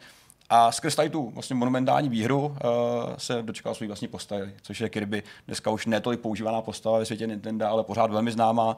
Uh, měl několik vlastních her, objevuje se běžně v takových těch kompilacích nebo ve Smash Bros. Takže John Kirby, byť už, byť už nežije, tak uh, je to skvělý příběh, uh, je to vlastně hrozně fancy chlápek, který uh, dost možná zachránil spoustu značek a možná jako, jako ublížil trošku Univerzu, který tam nakonec se ukázalo, že ani neměl právo na, na King Konga, který byl jako veřejně dostupná značka. To bylo jako, ty žaluješ někoho. To není možný. Možný to očividně bylo. No a mě ještě zaujalo, že na tom plakátu je logo Paramountu dole. Takže ale... to se asi ty práva někdy v průběhu těch dalších let mohly Tady stěhovat. Vodakživa dokonce byla značka, která jako oni to nazývají jako free, free trademark, nedokážu si vzpomenout na ten původní anglický název. Je to něco jako Cthulhu, což můžeš používat ve filmech, v nějaké tvorbě. Dneska už to možná takhle nebude. Protože to byly doby, kdy to ještě možná šlo, dneska už to podle mě někdo ukořistil a vlastní to. To znamená, dneska už bylo také snadný asi nebylo. Nicméně Nintendo se taky. Tak to jako, bylo asi něco jako s Godzillou, že jo? Dost možná, přesně tak. To už taky můžeš asi nakládat. Opice jako opice, velký zvíře něco útočí někam, něco ničí, takže to asi, ale nicméně to nebylo první rande u soudu s Nintendem. Uh, Nintendo pak jako asi uh, vyčíhl nějaké možnosti, co by se mohl jako naučit u, u, u soudu. A v roce 1989 uh, v Americe, ten spor je specificky americký, uh, zažaloval Blockbuster. To si dokážu představit proč, protože Blockbuster půjčoval jejich videohry a Nintendo se to nelíbilo, ne? To byla, to byla ta hlavní myšlenka. Mm-hmm. Zatímco v Japonsku existoval už oficiálně zařazený zákon o půjčování produktů, filmů a her, kdy bylo jasně řečený, co ty jako majitel značky můžeš dovolit a nedovolit. V Americe to neexistovalo. A Blockbuster eh, ještě ten týž rok vykazoval opět rekordní, rekordní výkazy nebo rekordní výdělky za půjčování filmů, pak to rozšířil o hry. Bohužel, no možná bohu dík, otázka jak pro koho, tou dobou ještě neexistoval žádný zákon, který by upravoval půjčování her. Nicméně Nintendo došlo tak jako oklikou, protože Blockbuster dělal jednu věc, dost možná chybu tehdy, že když půjčuješ hry, tak ten obal se ti ošoupá, lidi ztrácejí manuály, něčím mm. to polejou. A on si tisknul vlastní manuály. No, jasně. On je prostě přetiskával. A v ten moment si to všimli lidi z Nintendo, brali to jako, jako, jako loophole, jak se tomu říká, s nějakou jako malinkou skulinku, mm. jak se někam dostat a zažalovat je. Což se teda povedlo. Uh, nakonec úplně, úplně jako to neprošlo tak, jak bychom si chtěli, nicméně Nintendo tohle skutečně jako vyhrálo. Tenhle, ten, tenhle ten spor Nintendo vyhrálo a jasným cílem bylo prostě zamezit půjčování her. No, tak eh, to je možná něco podobného, o co se tady takhle jako stínově snaží společnosti herní teď a to mm-hmm. zamezit bazarovému prodeji, ano, že jo? ano. ty, kteří taky nemají peníze, z tohle taky, očividně neměli žádný peníze a fungovalo to. Myslím si, že to možná třeba dojde uh, v To tom vlastně- aktuálním stavu uh, do nějakého Ono se to podobného vrací v bodu. nějakých cyklech, A určitě. ono se to jak živa obcházelo podobné věci, tady to třeba bylo hodně populární svýho času v 90. letech nebo ještě na přelomu tisíciletí, zejména když se objevily vypalovačky Mhm. mm-hmm. uh, u hudebních CDček, protože hudební CDčka nešly tehdy na rozdíl od videa VHSek nebo už DVDček půjčovat Ano, legálně ano. a museli vznikat takzvaný jako kluby. Kluby, do kterého se zapsal, byl si členem klubu. Je to, je to úplně absurdní člen klubu Majitelů CDček. nějakých majitelů Jo, jo. CDček, ale ve svým pod, podstatě se jednalo o půjčovnu CDček, vím to, protože jsem byl členem jednoho takového klubu. Já jsem taky byl členem jednoho takového. Ale jediný jsme byli smysl byl samozřejmě, že jsi tam Podobnýho. šel, zapůjčil si to stejně jako ve videopůjčovně, já nevím, na x dní, možná to nebylo do druhého dne, zaplatil si poplatek, nebylo to mm-hmm. zdarma, pochopitelně to půjčení byl i nějaký členský poplatek, dostal jsi to v takovém jako eh, oslintaným obalu, Jo, jak jo, na jo. školní sešit, no to přines, tam to samozřejmě jenom poslouchal, nic si s tím nedělal. A pak z toho Jmenoval se zase tak. Myslím. Jo, jeden z nich se takhle myslím jmenoval, ale to já jsem nedělal. Co? Jasně. Já to nevím. A tis, tisknu se ještě obaly další. A musel si tisknout obaly, no. Už vejkaný. Hele, tady tou hlavní osobností byl Howard Lincoln, který je teda přiznaný jako zachránce téhle situace. Uh, je to člověk, který pak stal i členem boardu Nintendo. Byl v úzkém vedení a rozhodovacích nějakých pravomocech uh, společnosti. Uh, do dneška uh, je to velmi jako obávaná bytost. Uh, nicméně výsledek toho samotného soudu uh, byl takový, že firmy se dohodly mimo soud, zkrátka, protože to trvalo moc dlouho a nikdo nechtěl se s tím úplně jako No patlat. Uh, Bohužel nevíme, jak jak přesně se dohodli, nevíme, kdo komu zaplatil a kolik zaplatil. Nicméně výsledek je takový, že ty vztahy se narovnaly. V roce 1990 eh, se ještě americký senát jednou vrátil k tomu zákonu a zanes už konečně ty pravidla o půjčování her do, do ústavy a do toho svého jako sboru. To znamená, že všichni byli spokojení a, a v ten moment se i narovnaly vztahy Nintendo a Blockbusteru a vlastně došlo i na několik exkluzivních titulů, který distribuoval Blockbuster jako takový od Nintendo. Takže hmm. očividně jako dobrá práce, eh, něco z toho vzešlo a mělo to aspoň nějaký výsledek. Další krok už bohužel nebyl tak hezký. Uh, ta osoba, kterou vidíte teďka před sebou, tak No, no, no. je legendární Jack Thompson. No, jasně. aktivista a chorobný uh, Bojovník proti videohrám. bojovník proti obscénosti ve hrách a v zábavních médiích. To je asi jako nejlepší popis, Tohle jsme se tenkrát být. napsali, viď? Já si myslím kolem něj. To byla hrozná šňůra, která trvala strašně dlouho. A nakonec teda jako, nechci říkat skončila, oslabila uh, soudem nebo soudním jednáním, který se byl oficiální název Strickland versus Sony. Uh, byť Sony nebyla jediná, nebo jeho cílem, byl to ještě Take-Two a několik dalších společností. Jack Thompson je velmi urputný, uh, opravdu jako nezvyklý. Nicméně tenhle příběh začíná jako mnohem dřív, což je trošku překvapivý. Protože začíná vraždou policistů uh, tím s tím člověkem, což je Devin Moore. Uh, to si říkáte, to je přece jako pohoda, to se jako, to nemá za co dělat. To je prostě jako, to se nás netýká. Nicméně tenhle člověk, když ho zatýkali, tak uh, v roce 2003 se dostalo tak řek, že život je jako hry, že všichni musíme jednou umřít. A Jack Thompson tohle to vzal jako vodu na mlejn, rád to prostě využil, protože on se do her pouštěl dlouhodobě no. a řekl si, hele, ten člověk určitě hrá GTAčko, což se pak samozřejmě jako Potvrdilo. potvrdilo, Protože hrál každý. kamarádů, hrál každý GTAčko. A on sám, že jo, vystupoval všude s tím obam GTA Vice City a propagoval to jako tu hru, která prostě kazí mládež. Přesně A je- propagoval to jako tu hru, teď to řekl, je nejchodící reklama na GTAčko, protože co jiného ty děti chtějí slyšet, než To je- jo, tak tohle je ta hra, co nesmíš hrát. Přesně tak, ale to je, on vlastně udělal jednu špínu, která se mu nakonec vymstila a to bylo to, že on použil ty rodiny eh, v těch pozůstách jako rukojmí v tom samotném sporu, který nebyl o tom samotném sporu, ale o tom celém příběhu kolem, že chci prostě zakázat hry, nenávidím to a doufám, že všichni, všichni umřou. Dokonce přirovnával vlastně jako působení násilných her jako útok Japonska na Pearl Harbor v druhé světové válce. No, on nějak říkal, že to je jako, i jako satán a takovýhle prostě. Já to, Třeba jako pornografie, některé prostě- věci si jako vybavuju, že to nebylo úplně hezký. To já bych taky přijel na mně přijdou hry taky tak dobrý jako porno, takže... Přesně mám rád všechno. Vlastně si nejsem jistý, Vlastně jestli jsou hry tak dobrý. Jako, možná vlastně myslím, lepší. že jako porno je lepší. No. Jako, I takový jako lepší příběhy, Teď takhle, kulturnější. spadne, spadne tady takhle naše to logo, takhle akorát a pod ním prostě nějaký Pornhub logo. A Vortex Hub, uděláme z toho něco na vlastního. Vortex Hubu. To je jako krásný. Už teď to trochu vypadá jako, že nás Pornhub sponzoruje. Bohužel ne, bohužel ne. Nicméně problém Jacka Thompsona byl jeho, jeho teatrálnost a takový cirkusový vyprávění. Uh, on vždycky říkal, že, že byl ze soudu vykázaný nebo z toho líčení třeba třikrát za týden uh, z pěti dní, kdy museli, kdy museli něco obhajovat.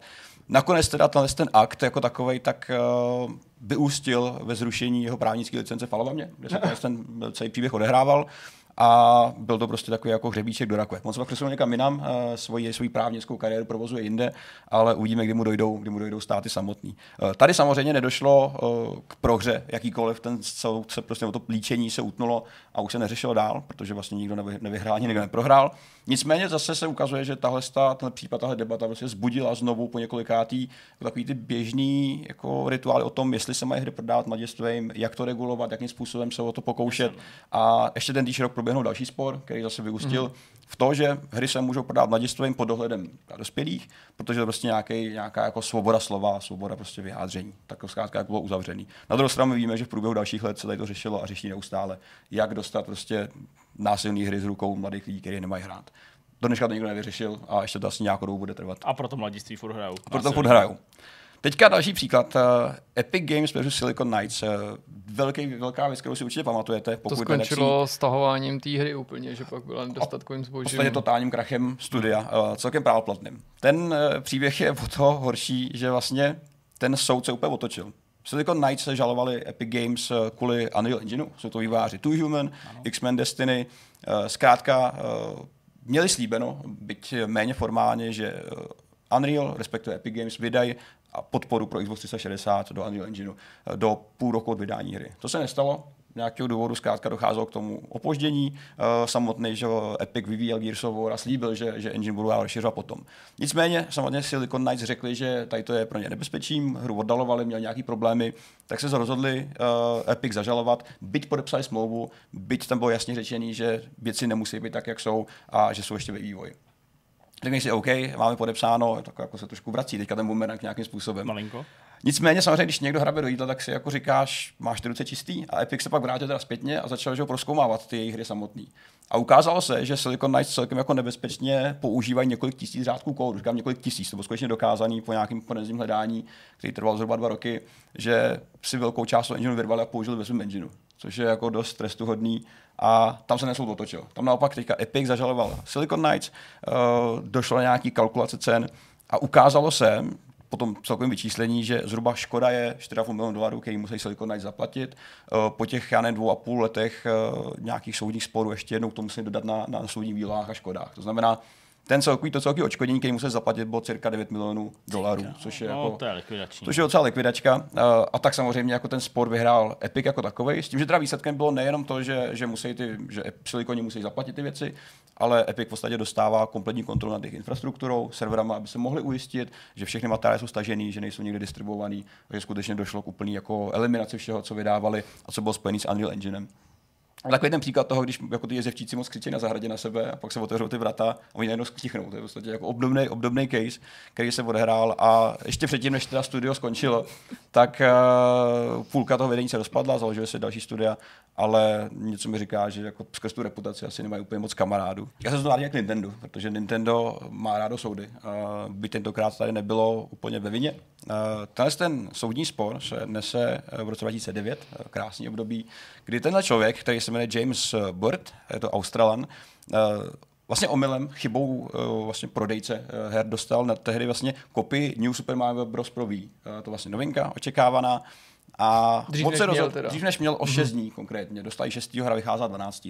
Což je jako super. A to se ale jako- občas stává, to není se úplná stává. rarita. To není ten problém v tomhle případě, ku podivu. Samozřejmě, kdyby si tu hru zahrál a byl si v klidu potichu, nikdo nic neřekne. Bohužel, co tady James udělal, jak chtěl získat uznání ve své jako komunitě kamarádů hackerů, tak eh, tu kopii vzal a samozřejmě rypnul a nahrál to uh, na internet. Jo, tak to už je trochu. Což je trošku špatný, to, už to jako, trochu, jako to už trochu bylo. Já jsem myslel, že to bude dražit nebo něco, ale tohle je úplně to by jiný bylo, to je level. ještě jiný level. Uh, jeho rodiče vlastně jako ku podivu to vlastně obhajují tím způsobem, že uh, Ježiš, oni musí hájit rodiče. No. Bohužel jediný, co můžeš udělat, tak máš rodiče, kteří jako mají asi trošku rádi. A oni říkají, hele, to je mladý kluk, co jako má rád hry a má všechny konzole doma, chtěl uznat jako, nebo chtěl získat uznání svých kamarádů, což samozřejmě právníky, kteří to začnou zkoumat, úplně nezajímá. A za těch šest dní, co to vlastně eh, uploadnul a co to běželo někde po síti, tak eh, po, po dlouhém hledání a investigaci zjistil Nintendo, že už to stálo 50 tisíc lidí.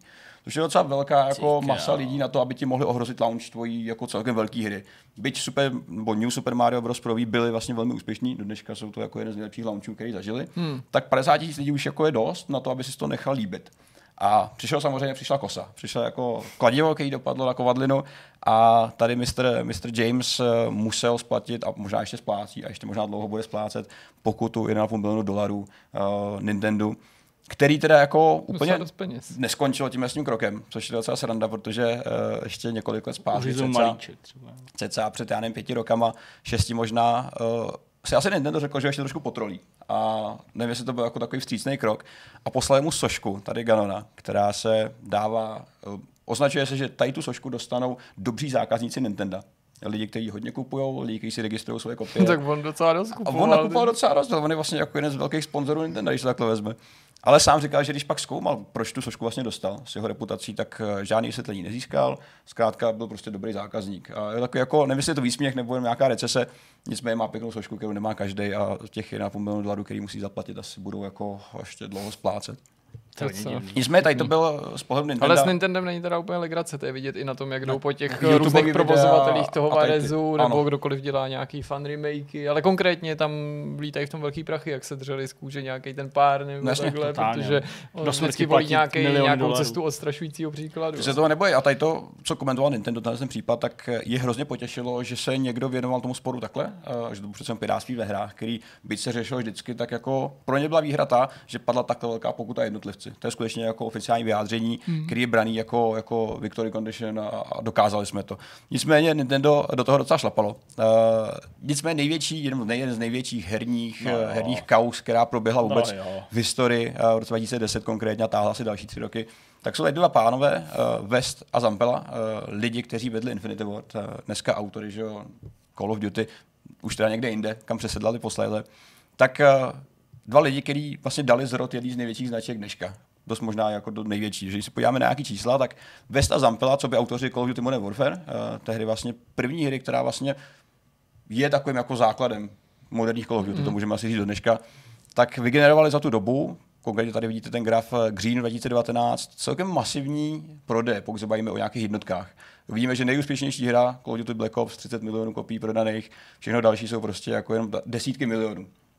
To znamená, lidi se ptali, když tomu došlo, konkrétně v roce 2008, když Navíc dostali... oni už předtím, myslím, dělali na Medal of Honor. Ještě Takže navíc. nejdřív Oni jsou byli u EA, pak šli k Activisionu. Ano, Teďka a, jsou v Respawnu, respektive byli v Respawnu oba dva. a, a pak si Pak se zase zase West, drol. West odešel do Epiku. No. Co byl ten problém? a, a respawn je zpátky pod EA. A Respawn je zpátky po tý ještě k tomu. ten, ten to vlastně to nějaký korzování mezi studiami byl trošku problém, protože tyhle dva lidi, jako jsme vyjádřili ten, ten spor, dostali v roce 2010 výpověď. Eh, Dostali výpověď těsně po tom, co vyšla Call of Duty Modern Warfare 2 a to se nikomu nelíbilo, protože museli, nebo měli by původně dostat jako pěkný bonusy za prodeje. Dokážu si představit jako celkem pěkný peníze. A tak samozřejmě si říkáš i ty jako zákazník, který vlastně ten případ vnímá dost medializovaně, proč sakra vyhodili tyhle ty dva jako velký hlavouny, který vlastně stály za zrodem takovýchhle jako mocnosti. A pak se začalo jako šlapat kolem sebe.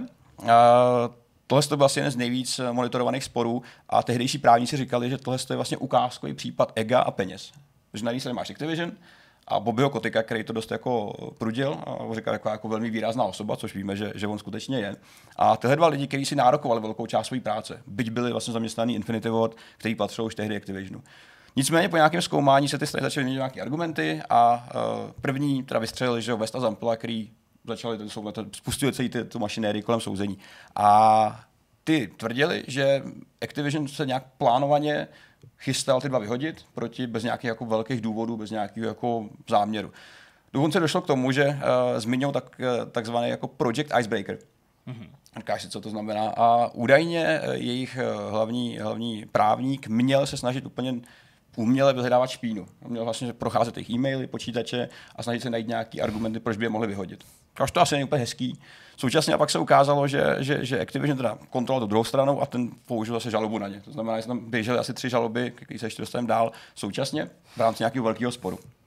Activision teda pak tvrdil, že na pozadí West a Zampella už jako dohadovali nějakou akvizici a nějaký vlastní studio, potenciálně s EA, a snažili se vlastně odtáhnout velkou část lidí a zaměstnanců z Infinity mm-hmm. někam jinam. Takže očividně uh, na obou věcech jsou asi nějaká jako část pravdy. Víme, kde skončili že, tyhle dva lidi. A bohužel uh, jedinou, jediný problém tohle sporu je to, že, že Activision se zkrátka nikdy moc nestaral o svoje zaměstnance. Jasně. A byl takový jako divný precedent, že když by vyhrál Activision, vysloveně vyhrál, tak to v podstatě nastavuje nějaký vnímání toho, že ty se, nebo že herní průmysl obecně své zaměstnance nebere tak moc vážně, byť jsou extrémně klíčoví.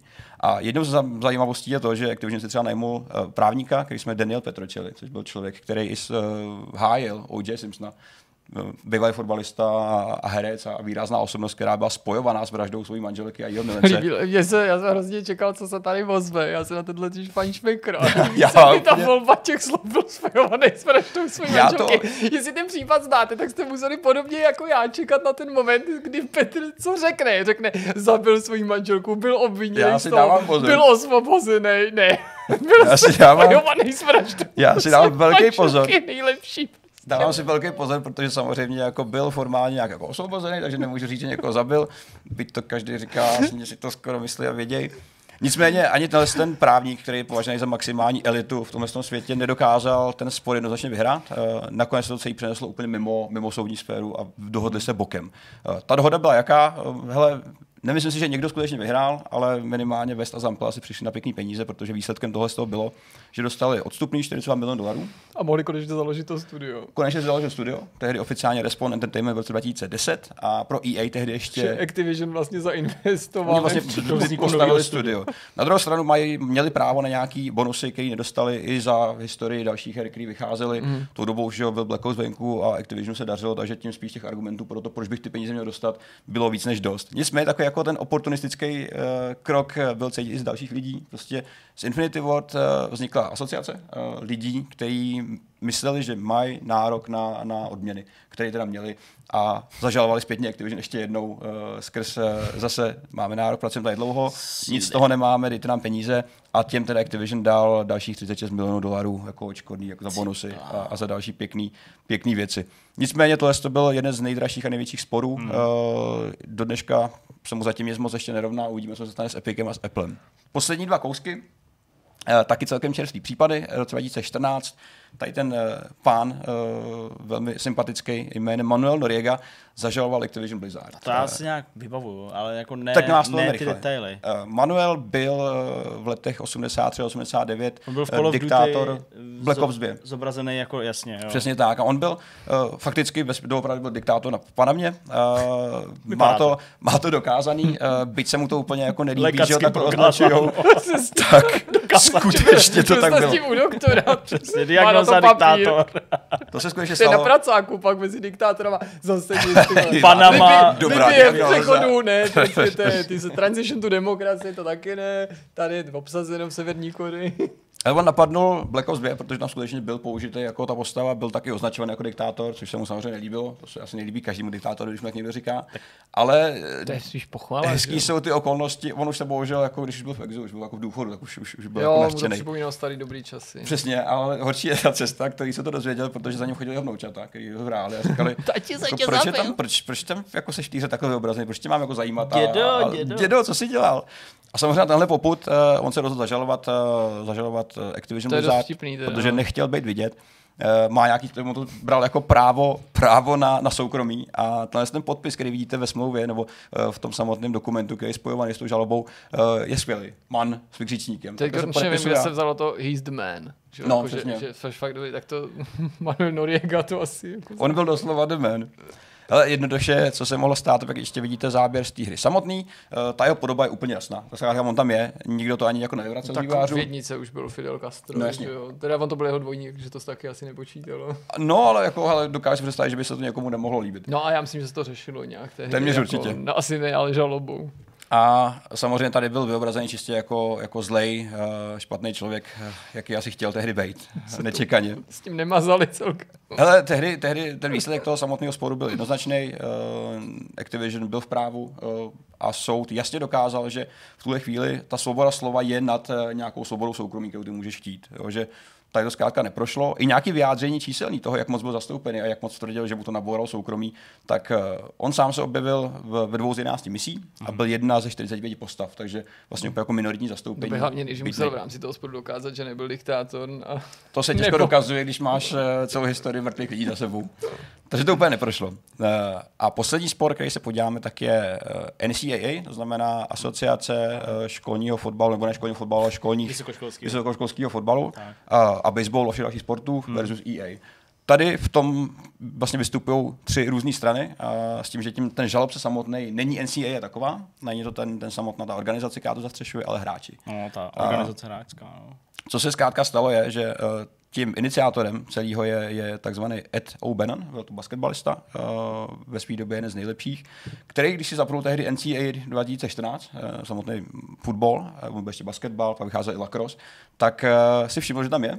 Všimnul si, že jeho detaily vlastně docela sedějí, to, jak vypadá, všechny mm-hmm. jako údaje o něm. A pak si uvědomil, že jako student vlastně nemá žádný peníze, což je trošku jako takový hloupý. Nicméně o tom vlastně celý ten školský fotbal je. Ty jako hráč nebo jako student máš tu možnost uh, se potenciálně zapsat do nějakého draftu, pak do velkého NFL, s tím do toho všichni jdou. Máš to je- stipendia častý? Tak, stipendia, vlastně to hrozně provázaný právě s tím jako světem těch, eh, kulturou těch, kolem. eh, těch lig, těch profesionálních lig, tak prostě Mhm. jako se strašně dbá na to, jak se hraje na univerzitách, všechny ty sporty. Jo. A podstatě jako všichni hráči americký prostě pocházejí z těchto Mají vlastně velkou tradici, že jo, a, a samotný NCAA na tom vydělává spoustu, spoustu peněz. Prodejem Ale lístků. oni to jsou super jako zápasy, Jsou, jo. To oni jsou vlastně- na Tak úrovni. tam jsou jo. Ano, ano, budoucí hráči NBA, Přesně, budoucí přesně. hráči NFL, NFL, prostě za přesně. na sezónu už univerzitě může být v vychovají tomto. ty svoje hráče, který pak prostě hrajou tím všichni prošli, že jo? Všichni. Všechny, ty hvězdy, když se podíváš právě třeba na basket nebo americký fotbal, to řeší. Je trošku problém, že ty se dozvíš vlastně, že jsi v nějaký hře, uh, že jsi to vlastně formálně nepodepsal, byť si dokážu představit, že to NCAA nějakým způsobem mají zanesený třeba ve svých smlouvách. Mm. Uh, takže vzal to Ed, uh, pak ještě Sam Keller, to byl quarterback uh, v, v Nebrasce, kdysi dávno. A tyhle dva vlastně tvořil takové jako dynamický duo, který ten sport táhlo až do samotného konce a žaloval nejenom EA, ale i NCAA jako takovou. Uh, určitým problémem je, že uh, ten samotný spor je spíš jako o tom, uh, že my jsme chtěli nějaký peníze, ale NCAA je ta zlá, která vlastně od nás zadržuje, která si nárokuje něco. A ten sport byl Protože tak náročný. EA asi zaplatili za tu licenci korektním způsobem. Pro- nebo podle všeho ano, Neukradli tu licenci. Podle všeho ano. Eh, Ten spor se pak vlastně dohadoval na té úrovni, eh, kdy EA se obhajoval tím stylem, hele, ty hráči si nejsou tak moc podobní, nejsou tak moc jako detailní a tak moc jako eh, reální, abyste měli právo si nárokovat ty peníze. Proto to s váma teda nedomlouváme individuálně, jako kdybyste byli To už bylo u skutečnou toho samotného soudu jako jo, jo. Problém byl ten, že když se pak eh, hledalo, co dál, eh, jak to vlastně funguje s tím licencováním, tak se našel nějaký interní sheet, nějaký Excelový dokument, kde bylo zhruba 30 různých atributů každého z těch hráčů. Hmm. Od toho, jak vypadá, nějaký fyzikální proporce, ale třeba to, kde žije, jaký oblečení nosí v soukromí a podobně. To znamená jako databáze lidí, kde už těžko jako nedokáže, že, že to nejseš ty.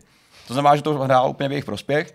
Eh, Ten finální, ten finální výsledek byl takový, že zkrátka NCAA ve spolupráci s EA museli očkodnit ty hráče. Eh, Nakonec to nebylo tolik peněz, každý z nich dostal zhruba nějakých 15 dolarů po srážce všech výloh, což není úplně moc. nedostal. Je to velmi symbolický, je to velmi symbolická částka. Nicméně ten důsledek je takový, že od roku 2014 žádná další NCAA hra, ať už fotbal, ať už, ať už basketbal, nevyšly. Protože se teda asi bojí EA, že kdyby měli platit za ty licence, že už se to třeba neprodává Dost tolik možná. jako tak velký sportovní. hry. Dokážu si představit, že, že skutečně jako ten školský fotbal, byť má v Americe tradici nejen fotbal, ale každý ten sport, tak asi netáhne tak moc jako velký NFL, potažmo, No, potažmo basketbaly. Takže uh, je to zajímavé, že dneska, když se objeví nějaký video ohledně NCAA a EA, tak, uh, tak vždycky lidi vyskočí a radou se nadšením, ale skutečně se asi dlouho nedočkáme další takovéhle značky. A je to takový spíš jako často problém nenutně možná jako nějakého zdího záměru, ale spíš komunikace, kdy se zkrátka něco špatně vysvětlí, není k tomu žádná smlouva, žádný formální dokument a vyústí to prostě ve velký soudy a, a bolest a zmar a často i konce samozřejmě jako studií a nějakých jako subjektů, který podnikají. Takže tady to byl jako malinký zlomek eh, toho, co se skutečně děje. Eh, Je do, doporučuji si projet všechny možné oficiální dokumenty k dalším, k dalším eh, soudním sporům. Je to hezký vidět, že zanedbáním jednoho slova můžete vlastně přijít o všechno, co děláte. Je to strašidelný, ale stává se to docela často. A nás ještě teďka jako minimálně jeden velký sport čeká, tak uvidíme, co se stane s Epicem a s Applem a s To jsem dalšími, který vystrčejí růžky a, a, a, a rozsoudějí se. Tak někdo vytáhne nůžky třeba taky. Moc krát díky Petře za tohleto téma. No a my se vrhneme na Gotham a na Suicide Squad. Jak už říkal Jirka, tak eh, předminulý víkend z vašeho pondělního pohledu jsme se věnovali odhalení, nebo spíš možná blížšímu představení her eh, Gotham Knights a Suicide Squad Kill Just, the Justice League. Eh, Tedy dvojice her od Warner Bros., jedna od Rocksteady, druhá od eh, interního studia montrealského Warner Bros. Games. A teďka si asi povíme, tady zase podobně jako to bylo u té mafie na začátku tohohle vidcastu, eh, jaký dojmy to v nás zanechalo, co si o těch hrách myslíme, eh, co to potenciálně může znamenat eh, třeba pro ten segment her, do kterého samozřejmě teďka za pár dní vstoupí eh, Marvel's Avengers a jak může třeba konkurovat eh, těm titulům, který mají přijít až v příštím, respektive v přes příštím roce v případě Suicide Squad. No, z mého pohledu je zajímavý, že já se víc těším na Gotham Knights, Aha. než na Suicide Squad z toho důvodu, že jsem se prostě těšil na návrat do Gothamu. Mhm. Že Jo, Ideální je případ jsem se těšil dobrý na argument. Batmana. Jasán? A já teda nejsem vůči eh, vývářům z Montrealu nějak předpojatý. Já mám to studio docela rád, protože si myslím, že odvedli dobrou práci i na Arkham Origins, že to byl nelehký úkol, ne- nezávidění hodná situace, převzít tu štafetu po Rocksteady, přijít s prequelem, zatímco všichni už čekali na Arkham Knighta a, a bejt tím druhým týmem, to je mm-hmm. podobná analogie, jako když všichni čekali na Assassin's Creed Unity a myslím, že to bylo v Rumunsku, ne, v Bulharsku vznikal Assassin's Creed Rogue, Jasně, taky všema podceňovaný. Rogue byl dokonce lepší než Unity, zatím si stojím i dneska, jako z pohledu tehdejší doby. Uh, Origins, Assassin's Creed, teda, uh, ne Assassin's Creed, Arkham. Arkham Origin nebyl určitě lepší hrou než ty Arkhamy, který udělali Rocksteady, ale myslím, že to je prostě slušný studio. A já už když se proslýchalo, že Rocksteady ve skutečnosti budou pracovat na jiný značce než je Batman, jiný značce než je Superman a že to můžou být Suicide Squad a když to následně bylo potvrzené ještě před tou samotnou akcí, tak jsem tušil, že by to nemusela být ta hra, mm-hmm. na kterou budu čekat. A už jsem se začal trošku upínat víc k tomu projektu, který vznikal v Montrealu. A musím říct, že mě nakonec dost překvapilo i to, že ty Suicide Squad jsou v tom Metropolis. V Supermanově domácím městě. Byť je to malichernost asi, a když sám sebe poslouchám, tak mi to zní jako malichernost, tak uh, já jsem prostě nechtěl, aby se to odehrávalo v tom ne Supermanově vesmíru, protože ty vesmíry se prolínají, ale aby to bylo v tom Supermanově městě, protože i ta jeho rozjařenost v kombinaci s, uh, s takovou ulítlostí těch Suicide Squad mm-hmm. není to, co v těch komiksech od DC úplně vyhledávám. Mm-hmm.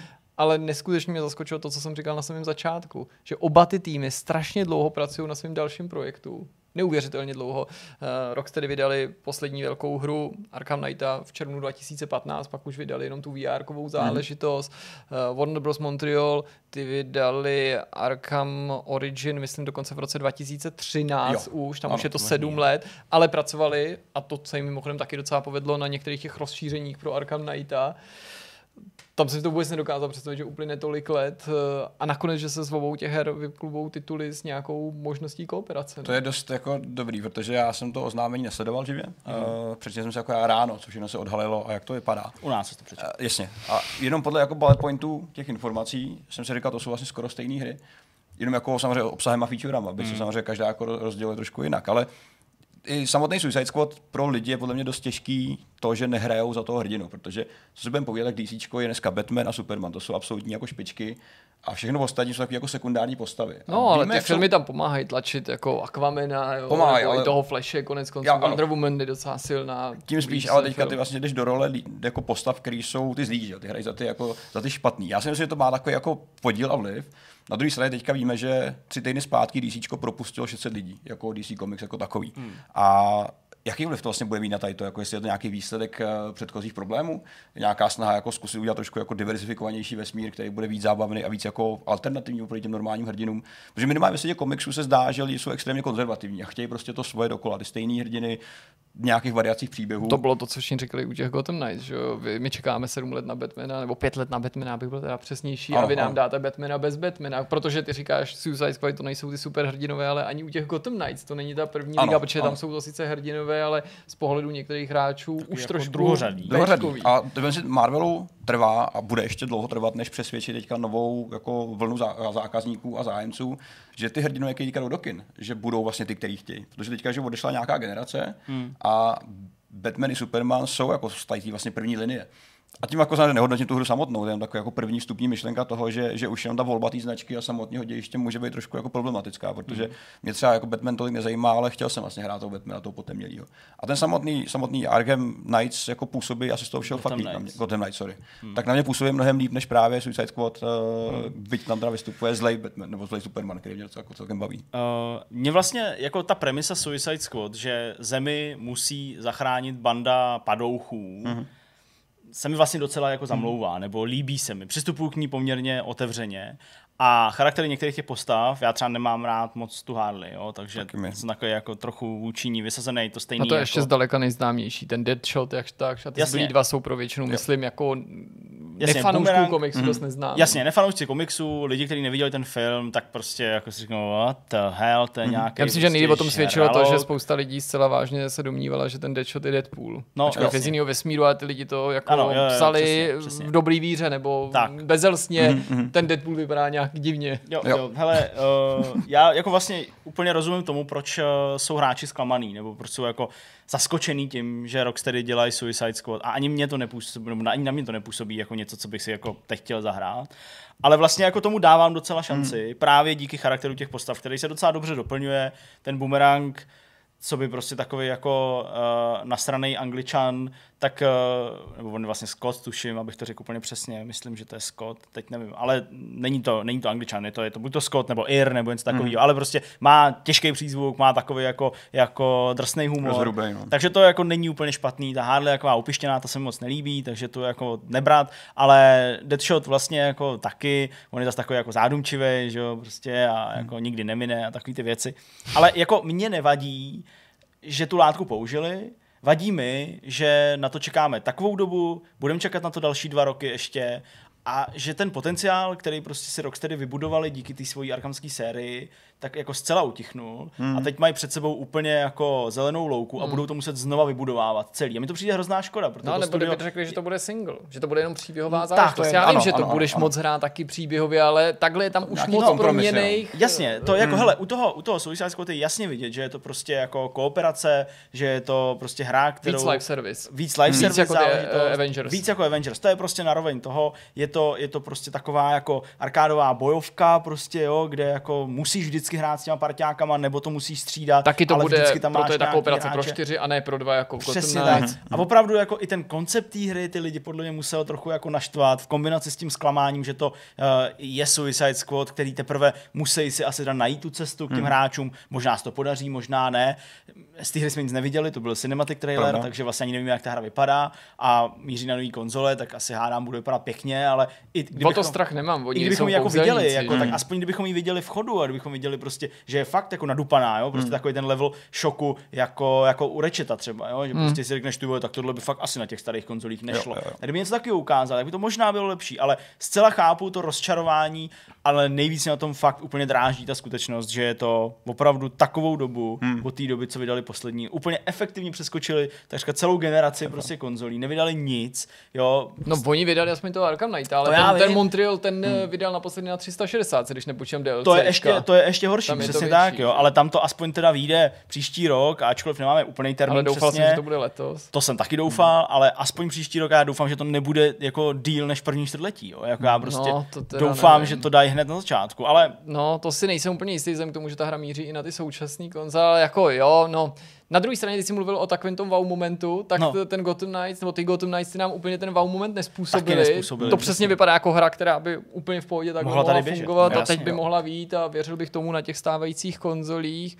A přesto se tam cítím víc doma, navzdory Hmm. tomu, že vývojáři dodatečně vysvětlili, že i když Gotham Knights působí podobně jako Arkhamská série, tak na Arkham nikterak nenavazují, ačkoliv je to stejný vesmír, tak to není ta stejná realita, nebo No, není to ta to stejná edice toho vesmíru, ano, ano, ano. zatímco Suicide Squad to je skutečný nástupce Arkhamské série, bude tam rozvíjet i některé ty příběhové linky ano. údajně, ale cítím tam ten příběhový potenciál. Působí to nakonec, že ta kooperace je tam nesnad vnucená nebo nalepená, ale že skutečně bude volitelná, proto je možná jenom pro dva, proto možná ta hra bude fungovat i ty poslední vyjádření v tom smyslu tomu napovídají jako příběhový, singlový titul, kde prostě můžeš přizvat toho kamaráda, pokud chceš a pokud to nechceš, tak to snad bude eh, dobrý. To hmm. I tak, celkem mám rád ty postavy, ačkoliv to není Batman, tak Batgirl je známá, Robin, i ty další iterace toho Robina, respektive ty předchozí. Jasně.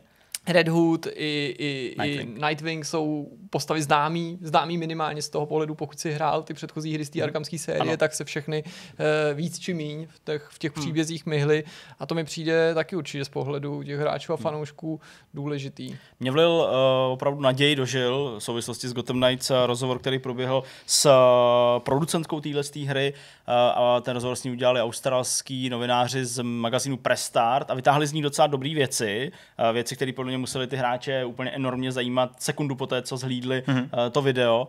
A to je ta skutečnost, že opravdu v tom singlu to budeš moct hrát singlu. Že prostě ne žádný vynucený eh, parťák, který hmm. ovládá umělá inteligence, bez kompromisu. prostě plete někde. Ne, prostě single.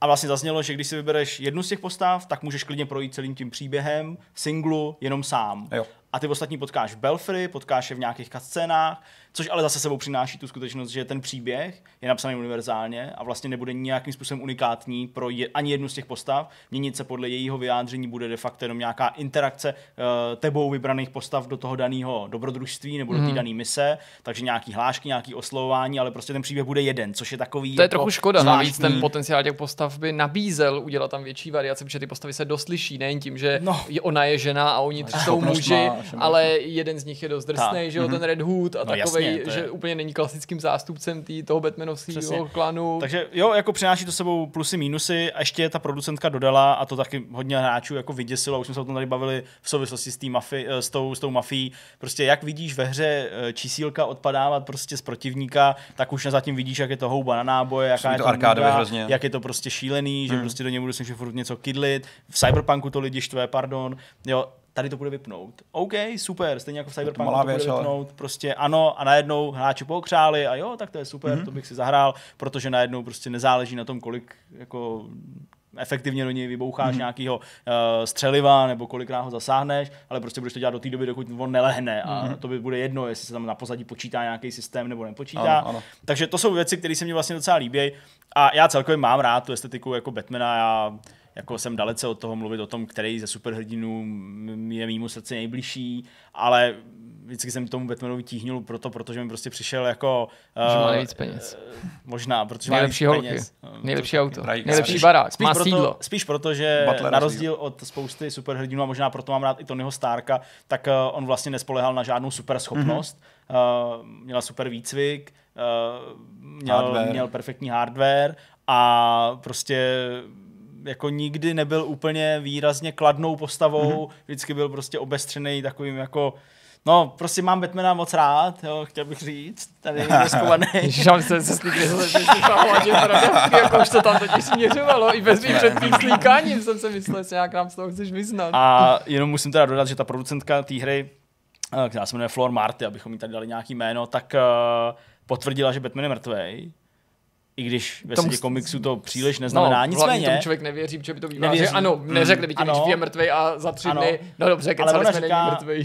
Bez na to, jestli jako mrtvej nebo ne, prostě v té hře je jasný, že nebude hrát žádnou významnou roli. Dobře, není to jasný, ale jako z jejího, Arkham Knight all over jejího vyjádření, dobře, z jejího vyjádření se zdá, že nebude hrát žádnou roli, protože oni říkají, že se jako chtějí vymanit právě z toho jako z toho odkazu hmm. a že si chtěli udělat něco svýho, hmm. právě proto to není zasazený v tom Arkhamu, nebo prostě v tom, v tom, v tom světě, ve kterém se pohyboval, uh, pohyboval Batman v Arkhamu, takže právě prostě proto, že chtěli jako ukázat hráčům zase ty nové postavy, mít tu maximální volnost, napsat si nějaký vlastní příběhy a tyhle ty všechny řeči. Mm-hmm. Takže jako zdá se, že se ho fakt zbavili, ale na druhou stranu, hele, jako vrátka do Belfry jsou stále otevřené. Já musím závěrem za sebe aspoň říct, že mě vadí, nebo trochu ne vadí, je silný slovo, mrzí mě, že Rocksteady celý ty roky popírali, že dělají Supermana. Ukázalo se, že nelžou. Já jsem ani nepodezříval nutně z toho, že lžou, ale já si myslím, že nebylo náhodou, že se hráči ptají na Supermana. Hmm. Nejenom proto, že udělají Batmana, Superman je takový jeho protipol, souputník, ale protože s tím Batmanem se taky pojili takový pochyby, jestli jde udělat tak dobrá hra s Batmanem a oni Ejhle. udělali perfektní hru s Batmanem. A Superman ten má ještě horší, mnohem horší pověst, co se týče historie videoher a pokus o nejrůznější adaptace a ty hry jsou přinejmenším při nejlepším, jenom lehonce nadprůměrný. Hmm. Já jsem sice teda odpůrce takový té představy, že je tu nějaká kledba a že dobrá hra se Supermanem nejde udělat. Na to téma jsem napsal asi před 14 dny nějaký komentář, tak to hmm. nebudu tady papouškovat ten text eh, z webu, ale já jsem chtěl, aby se oni do tohohle úkolu odvážně pustili. Aby právě Superman našel v kůži těchto vývářů, toho přemožitele, tak jako Superman hledá, nachází či nenachází ty přemožitele v tom svém komiksovém světě, mm. jo, Lexe Lutora, um, Zoda nebo kohokoliv, jo, že já jsem vlastně chtěl, aby se na obzoru objevil vývojář tak statečný ten tým, který řekl, ale my to dokážeme, my taky nevěříme na to, že dobrá hra se Supermanem nejde my ji uděláme, my nebudeme dělat tady nějaký Bčkový hrdně, nějaký Suicide Squad nebo DC, co tam ještě máte, Flash na to kašlem, my chceme toho nejlepšího. Batmana už jsme udělali, tak nám dejte Supermana a my s ním uděláme mm. perfektní hru. Mm. Proto jsem to chtěl vidět, protože já jsem chtěl vidět od skvělého týmu, kterým Rocksteady nepochybně jsou skvělou hru se skvělou postavou, na kterou si právě ty ostatní netroufnou a kterou třeba jiným týmům by už DC po těch zkušenostech ani nesvěřili. A kdyby přišli Rocksteady, tak oni by řekli, no, tak dobře, tak s Batmanem jste to dokázali, tak teď nám dejte nejlepší hru se Supermanem. Mm-hmm. Takže mě mrzí, že Toho to se neudělali. no. Tak uh, možná třeba za dalších uh, Další let. později. Přesně. Dobrá, tak eh, tolik eh, k superhrdinským hrám. Mrkněte se určitě na naše články, které jsou na webu, které to zhrnují, nebo se podívejte třeba i na záznam toho odhalení, i když to není úplně dobrý, respektive to, co se tam dělo, není moc dobrý, ten záznam je takový standardní, ale dělal jsem to sám. A my jdeme na uh, rozhovor.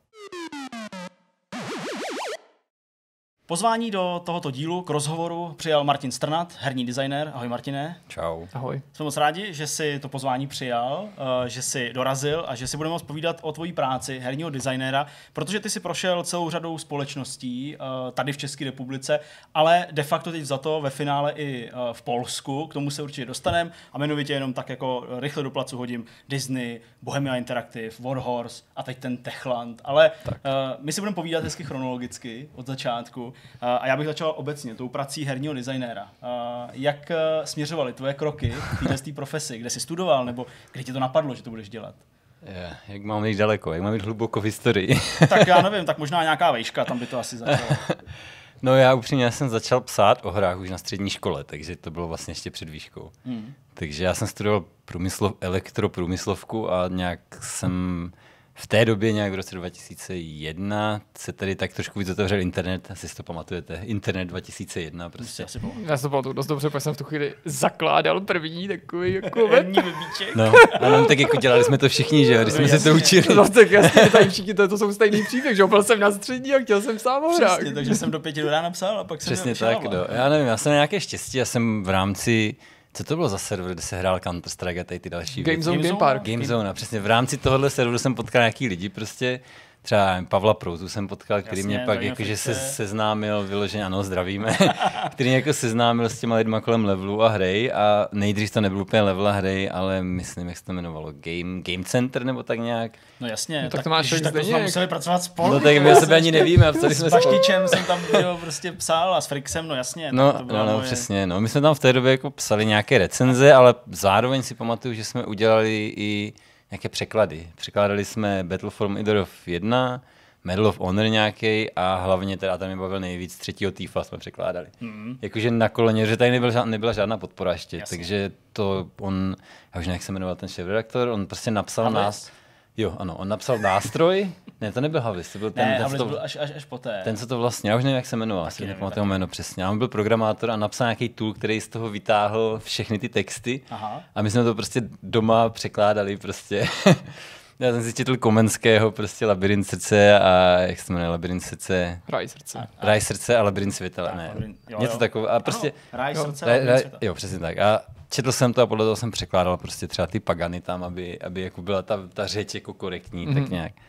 A potom jsem jako, no dělal jsem nějaký weby na střední, jako všichni, ale jako psal jsem pro ten Game Center, potom pro hry a pak jsem se přesunul do Prahy na výšku a studoval jsem tvůrčí psaní a literaturu. Aha, jasně.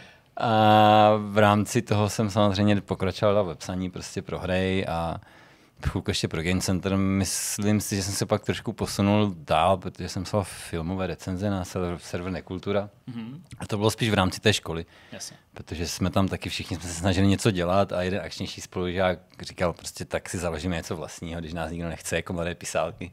To asi znáte, kluci, jaké to je. Ano, založit něco vlastního. ano, to znám. No a prostě když jsem, když jsem tam byl, tak nějak jsem se kolem těch her vždycky nějak jako ochomejtal a ne, že bych třeba přímo znal Honzu Herodese, který mě pak přijímal do Disneyho, ale jako znal jsem, my jsme se tam taky potkali v, na, v rámci hry nějak trošku, Jasně, tak kolem jsme prošli kolem sebe prostě a, a jinak další lidi, co třeba Tomus, ten mě zadával docela často věci, pamatuju tomu si, Sávika vysí recenzi, jo, takže no, pamatuju si prostě, že, že jsem si často předbíhal o ty, hlavně DSK věci se recenzoval, že jsem se předbíhal o... S Honzou o, Vytíkem. Ne, ne, ne, s Frantou Fukou. ještě s Frantou Fukou. Ano, tak to to mě- ještě jinčí To měl ještě chyták, protože on jel taky pořád ty deskové věci. On chodil i na, na ty filmy, že jo? Takže No, no, já jasně. jsem zároveň recenzoval filmy, filmy. A normálně jdu do toho kina, on tam sedí, čeká a má otevřené to DSK a něco drtí a já sedím vedle něho.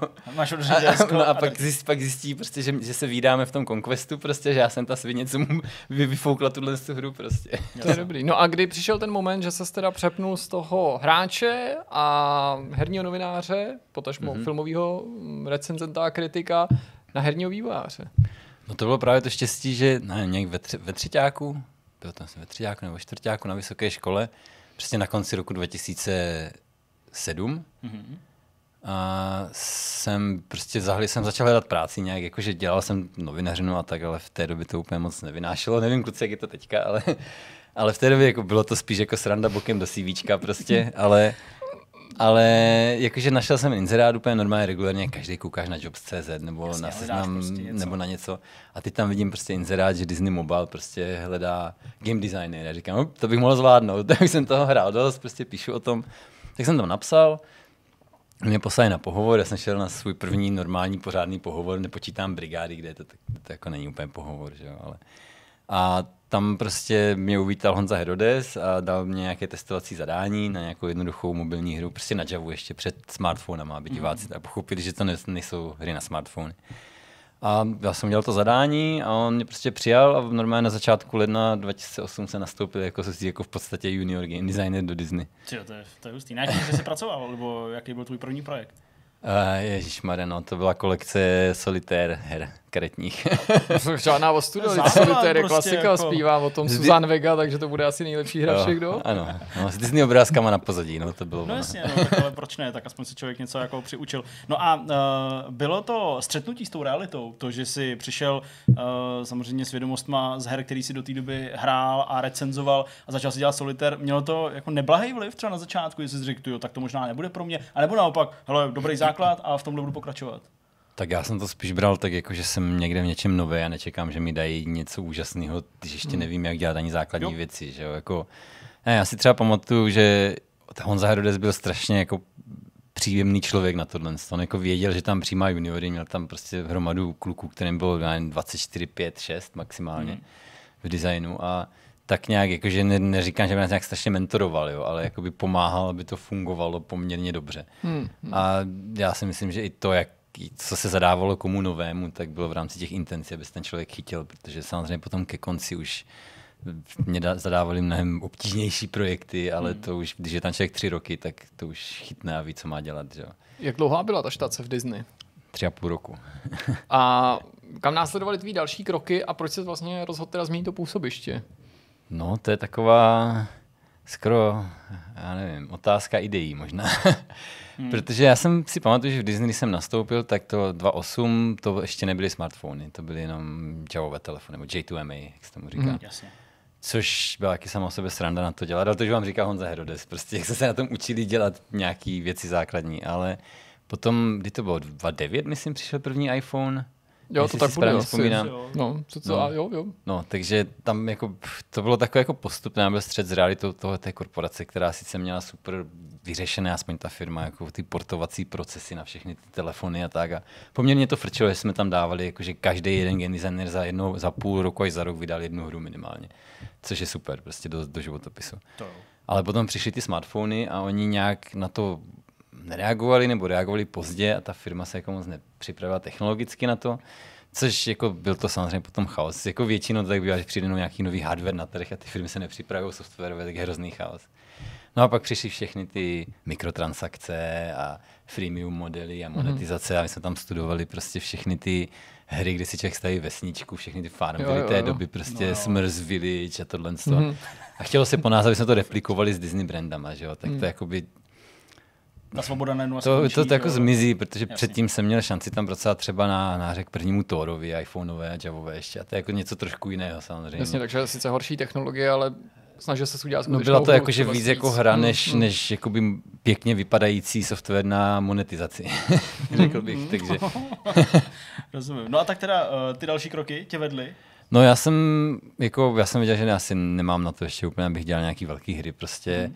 A v té době ani úplně neexistovala nějaká standardizace toho softwaru, často jako Unreal Engine a Unity začalo vznikat a tak. Že jako ne, nevěděl, neuměl se v tom ještě pořádně. A a tak jsem hledal samozřejmě nějaké další možnosti, spíš jako v rámci toho mobilního trhu. A měl jsem nějaké nápady, které se prostě v Disney házely vždycky do koše, tak si člověk, to se mu líbí, tak si nechá, že jo. A tak jsem prostě s tím šel dál a narazil jsem zase na, na Pavla, v Prouzu. A narazil jsem na něho na, na nějakém večírku té firmy Phalanxie, než jsem tam nastoupil. Po pohovoru jsem byl přijat a zjistil jsem, že on dělá jako vedle hnedka v rámci těch startupů, co se tam jako kamarádí. Takže tam jsem přestoupil a udělali jsme si několik her, jako byla taková agenturní činnost, řekl bych. Dělali jsme nějaký třeba facebookové hry, nějaký třeba, no to taky vtipně, dělali jsme match free hry pro babicu třeba jsme udělali match free hru. Kdy, Aha, no, to, byl to ještě k tomu mám takže storku. tam dával prostě, neměl, neměl si ketchup, takže si tam No hele, to bylo to pole těch prostě objektů, že jo, a tam byly různé ingredience. a když tak to u babici si spojí tři, že spojíš náhodný tři věci, ne? To není ta no, stejná no, věc. To úplně nešlo, ale ono to pak jako, když to člověk udělal, tak spoustu věcí padlo do těch hrnců pod tím a že ty hrnce naplnili, tak vyvřeli a vyho- celé to vyměnili. Že jo? To znamená, že ty lidi to mohli hrát dlouho, my jsme tam chtěli udržet v tom cyklu co nejdíl. Samozřejmě potom to tam nějaká paní hrála 8 hodin. A stěžovala si, že není prostě v leaderboardu, protože programátor na serveru měl sešnu jenom na 4 hodiny, že jo? A nečeká, že někdo vydrží 8 hodin v kuse. To... Jo, takhle, že to by... skončila a pak... No, no, no, to, to byly takový... Podcenili prostě... maminky na mateřský dovolení. No, no, to, to, to, my jako fakt chlapi, jako designéři, to fakt podceňujeme, jaký hry ty holky hrajou doma na mateřský. A, a, a, jak, a jak hardcore, no? No a jak, ano, ano. Já tohle vidím u manželky neustále, ona prostě hrála KCDčko a to prostě bylo jako 60 hodin jako gameplay nahráno a tak 30 hodin prostě sbírala kitky. Jo, prostě. Jo, takže... Jo. Jo, jako... A dostala achievement David Horák, prosím tě. Asi, možná jo. Já doufám, že jo.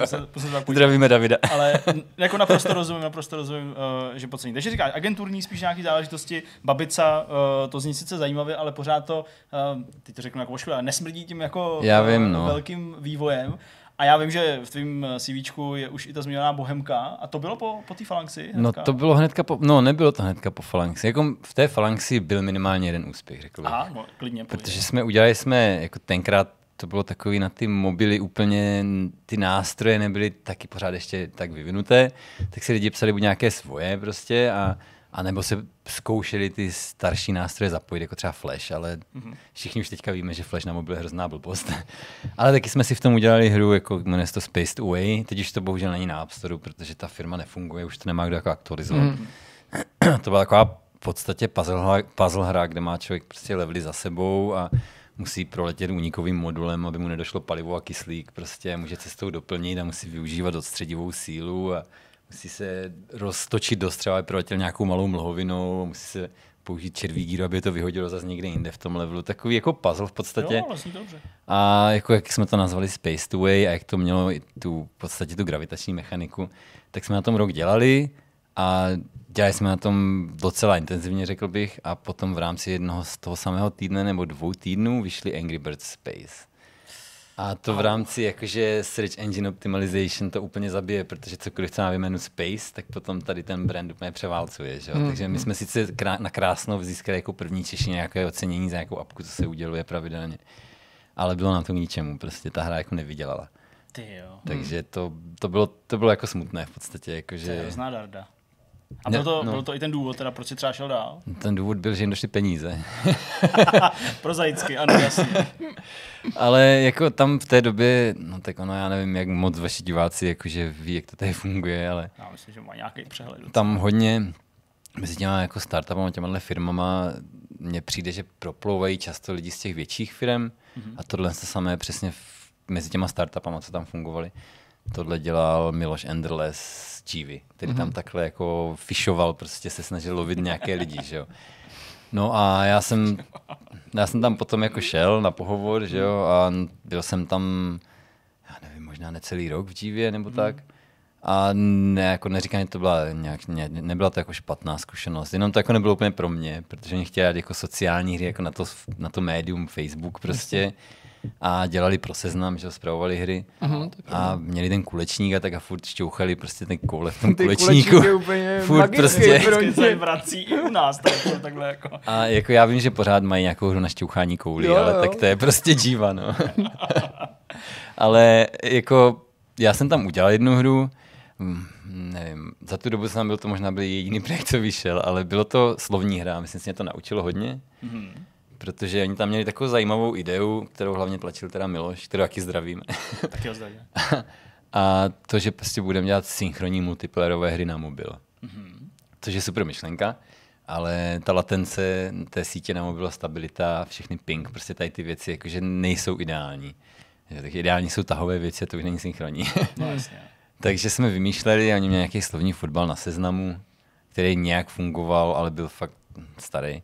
A chtěli tohle použít a udělat prostě slovní hru, kde můžou dva lidi proti sobě využívat písmenka v poli a skládat slova v podstatě. Tak jsem to jako navrhl a je tam prostě pole 4, 4 nebo 5 na 5 prostě písmen, z nějakého některé mají nějaký bonusy a tak. Mm-hmm. No a my jsme potřebovali, aby to bylo jako synchronní, že jo, a jako nejsme Blizzard, prostě, aby jsme měli miliony lidí, co hnedka skočí do hry.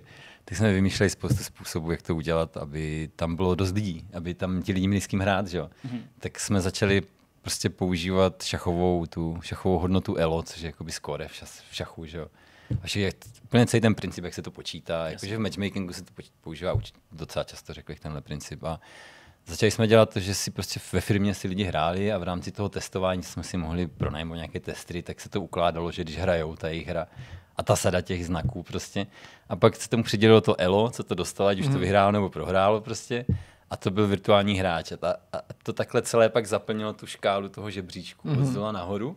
Takže každý měl s každý, pořád jako s kým hrát. Že jo? Když ty ghosti odpadávali dole, tak my jsme je od, smazali z databáze. Že jo? Ty, no. A podařilo se to jako zprovoznit tak, že ty prostě ty 40 plus paní, co to převážně hráli, tak si vůbec jako nevšimli, že samozřejmě hrajou jakoby často počítači. proti sobě nebo proti jakože záznamům jiných hráčů, že jo. Aha. Že to ne, nemuselo na sebe navzájem reagovat. To bylo jenom o tom, jak ty lidi rychle, jestli dokážou poskládat hodně malých slov, nebo najít jako mm-hmm. pár dlouhých slov, nebo využít ty bonusové znaky a tak. No do té doby, než nějaký programátor na nějakém updateu něco dělal špatně a najednou se to začalo párovat i s ghostama toho hráče. Jo, takhle, takže, Takže najednou- lidi najednou paní viděli, že hrajou sami proti sobě. Jarmilou, jasně. Ano. A to už si asi všimne paní Ano, Jarmila. a všichni, Mm, jak je to možné, no. jasně. Každopádně jako to nebylo zase tak špatné, na mobily se to uvedlo posléze.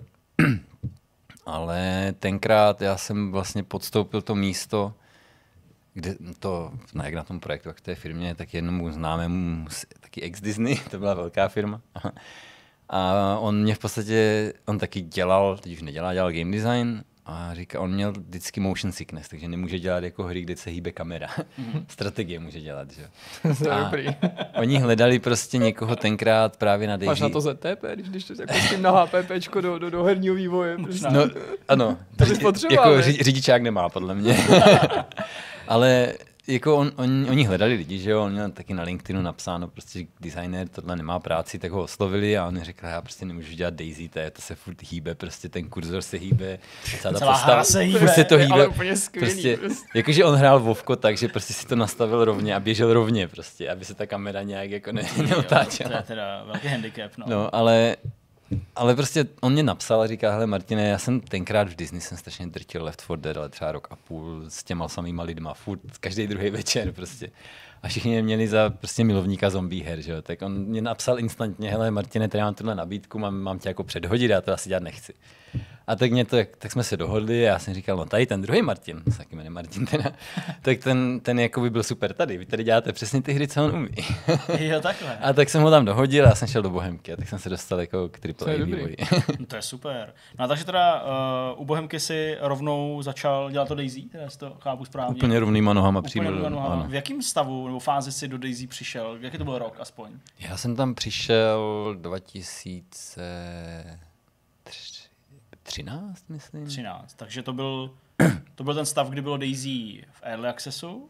Já jsem přišel ještě předtím, Před, než bylo možná, v Early před Accessu. vydáním, že jo? Já Ještě jsem tam před. nastoupil pár měsíců, možná půl roku, necelý rok před vydáním, tak nějak. OK. To znamená, ty jsi možná byl součástí takové té euforie toho úvodního, jo, je to super, Jo, možná jo. se zvyhnul teda takový té negaci, která přišla za několik let, nebo negace, silný slovo, takový tý, to, tomu brblání, že vlastně Jo. ta hra nikam nesměřuje, je to tak? No, jakože já jsem tam přišel s tím, že já jsem ten mod jako strašně hrál, že jako milovník Stalkera prostě Mhm. a metra a tady těchto těch jako atmosférických post a po prostě věcí, tak jsem hnedka naskočil na vlnu survival akcí, která tenkrát strašně frčela, že jo. Totálně, no. Pardon. No a když jsem, já jsem to fakt měl rád, když jsem o tom mluvil s kamarádama, proto mě to vlastně i ten známý dohodil, že jo. A jako já jsem byl z toho taky nadšený spoustu věcí, klidně se můžeme bavit o detailech toho designu, jak, co jsme tam řešili, jak jsme tam řešili, ale samozřejmě tenkrát jsem ještě úplně nevěděl a teď zpětně vím, že jako technologicky to byl jako poměrně problém. Hmm. Ale to, to jsou jako spíš interní problémy té, té Jasně, firmy. no, Jako, že ti lidi tam ne, byli úplně super. Dean Hall byl svůj typ člověka, ale jako říkal také úžasné věci, typu hoši, my jsme tady ten prostě alfa tým, jako my to tady dotáhneme, doděláme do nějakého stavu, až někdo přijde, tak to byl ten beta tým a to už nemusíme být my. tak to se docela naplnilo, no tak on nekecal, Ale on nekecal, on on nelhal. Ano. Tak to je, tak to je docela vtipný. No tak dobře, tak uh, nám klidně uh, můžeš prozradit, co teda aspoň v krátkosti se tam vymýšleli. No, ta hra byla celá o nějakých zdrojích, jak si pamatujete. No, určitě. To bylo, my jsme tomu říkali Tamagotchi pro muže. Aha. Protože to bylo celé o té postavičce, že jo? co má člověk na sobě, jak je napapaný, jestli mu je teplo, nebo mu, není tep, nebo mu je zima, prostě jestli je mokrý. Ale nemusíš o, odklízet ten bobek. nakonec. To je- No, no, no, to jsme tam mimochodem taky řešili, A jo, ale to Jo. nevím, jestli bychom tady mohli probírat. Takže jako počítali jste s tím, že no prostě myslím, že budou kadit. Jo? No, my jsme tam řešili spoustu věcí, jakože od takových těch banalit typu, no, já jsem tam hlavně řešil ekonomiku a spawnování těch itemů. Jako člověk si řekne, že to je taková základní věc, který něco rozháže, že bude to tam. Ale spíš také to rozmýšlení typu, to jsou civilní baráky, tak tady budou prostě civilní hadry, nebo tady bude mm. maximálně bouchačka, co může být myslivec prostě, a nebude tam žádná ne, AKM, AKM nebo, nebo náboje do toho. Prostě takové jako logické jasně. věci, že jo, ale to jako šlo pak hlouběji, třeba, já nevím, kluci tam, grafici tam přidali prostě nějakou bundu, nebo nejlepší případ ten, ten batoh, ten dětský batoh, prostě mm-hmm. ten, ta školní aktovka, že jo, udělali několik barevných variant prostě a teď tam byla nějaká červená nebo růžová, modrá, béžová a zelená, že a teď já to do toho systému vrážím a automatický záměr byl, bude to survival, záleží na barvě, aby nebyla vidět. Mm-hmm. Takže ty červené se vyskytují nejvíc, ty modré taky, že jo, a pak ty béžové a zelené mají nižší pravděpodobnost, protože Jsou ty nechceš být viděn. jasně. Přesně tak. A jako řešili jsme tam takové další věci potom v rámci třeba té databáze, nebo v rámci, když máš tu soukromou jakoby pod databázi, aby si to mohli lidi nějak štelovat, prostě třeba Noctovizor byl jako uh, omezený na počet, jako nejenom na každém serveru, ale napříč serverama. Mm-hmm. Jo, a jsme tam spoustu takových věcí, jak ty hráče, hráče pušnout víc jako do vnitrozemí Ano. a jak správně načasovat ten respawn a všechny tyhle věci. Prostě byl tam boj i tenkrát ten kanibalismus, který vyprodukoval strašně moc kontroverzních videí. Teda. A co to kálení teda ještě, když už jsme věci, já bych se k tomu docela rád vrátil, už jsme to tak nakousli. Jo, no to byla, to byla myšlenka, která neprošla, bohužel, ale můžu vám, můžu to, vám to tady bývají ty nejlepší. To je nejlepší. Jo. No ta myšlenka byla v tom, že tam prostě, když člověk jedl, že jo, tak tam se jenom přičítala hodnota k nějaké variable, která se pak časem jako snižovala, že jo. V podstatě naplňuješ něco a pak to postupně vyprazňuješ. Takže fair enough. A, a my jsme si říkali, no, aspoň já ještě s jedním kolegou jsme si říkali, že jako by bylo super, kdyby ten, to, jak to ubývá, nabývalo ještě někde jinde. Jasně. A to, když naběde, že jo, tak ti začneme signalizovat, prostě, že nejdřív ta postava jako začne třeba prdět. To je nebo tak si- dobrý nebo Ale to je, začne- ale hlavně pak, když to vykonáváš, Si- tu no- potřebu, tak jsi vlastně hrozně zranitelný, Ano, no že jo? počkej, počkej, to jde dál, to, To jde by, to by dál. bylo tak skvělé. My jsme si říkali, že jako tam je klíčové, že tě nejde slyšet, že jo, často, že se plazí někde v Jo, to trávě je nebo dobrý, tak. ty se A to, prozradíš. přesně tak, a to je stejně jako prostě v minulosti, já nevím, někdy v- no, ve starověku, ve středověku bojovníci nejdou do boje, tak jdou a vykálí se, prostě dají si švestky a vytlačí to prostě, aby No šli na prázdný žaludek. Já jsem přemýšlel úplně stejně, aby jsme nutili ty lidi se vždycky připravit. Víš, jak ve Večerovi taky se připravíš skvělý, jak jste předtím. to mohli nedělat. Si, si No, meč no, no, no, a Ježiš, to by bylo, si jakože- to. to by byl, to by byl nové titulek. Tohle by se No. všude řešilo, tak jako ty penisy v Conan Exiles, tak všichni by to prostě řešili, že jo? To je ta hra, Ano, ve které musí se nejdřív vykadit, než jdeš do Aby ses akce. neprozradil tím, že tam... To je prostě úplně... Přesně tak, no jako To ono to mělo ještě, ono to bylo evolvované dál, jako v tom smyslu, že když to budeš ignorovat a nepůjdeš spustit někam tu animaci, tak prostě, že jo, no přesně, tak se jako pokálí, že, a když si ty kalhoty nesundáš a neumíš se, tak chytneš vlka a teda infektia, jak se tomu říká Jasně, česky, jak se tomu Jak se tomu správně říká česky, česky, ano.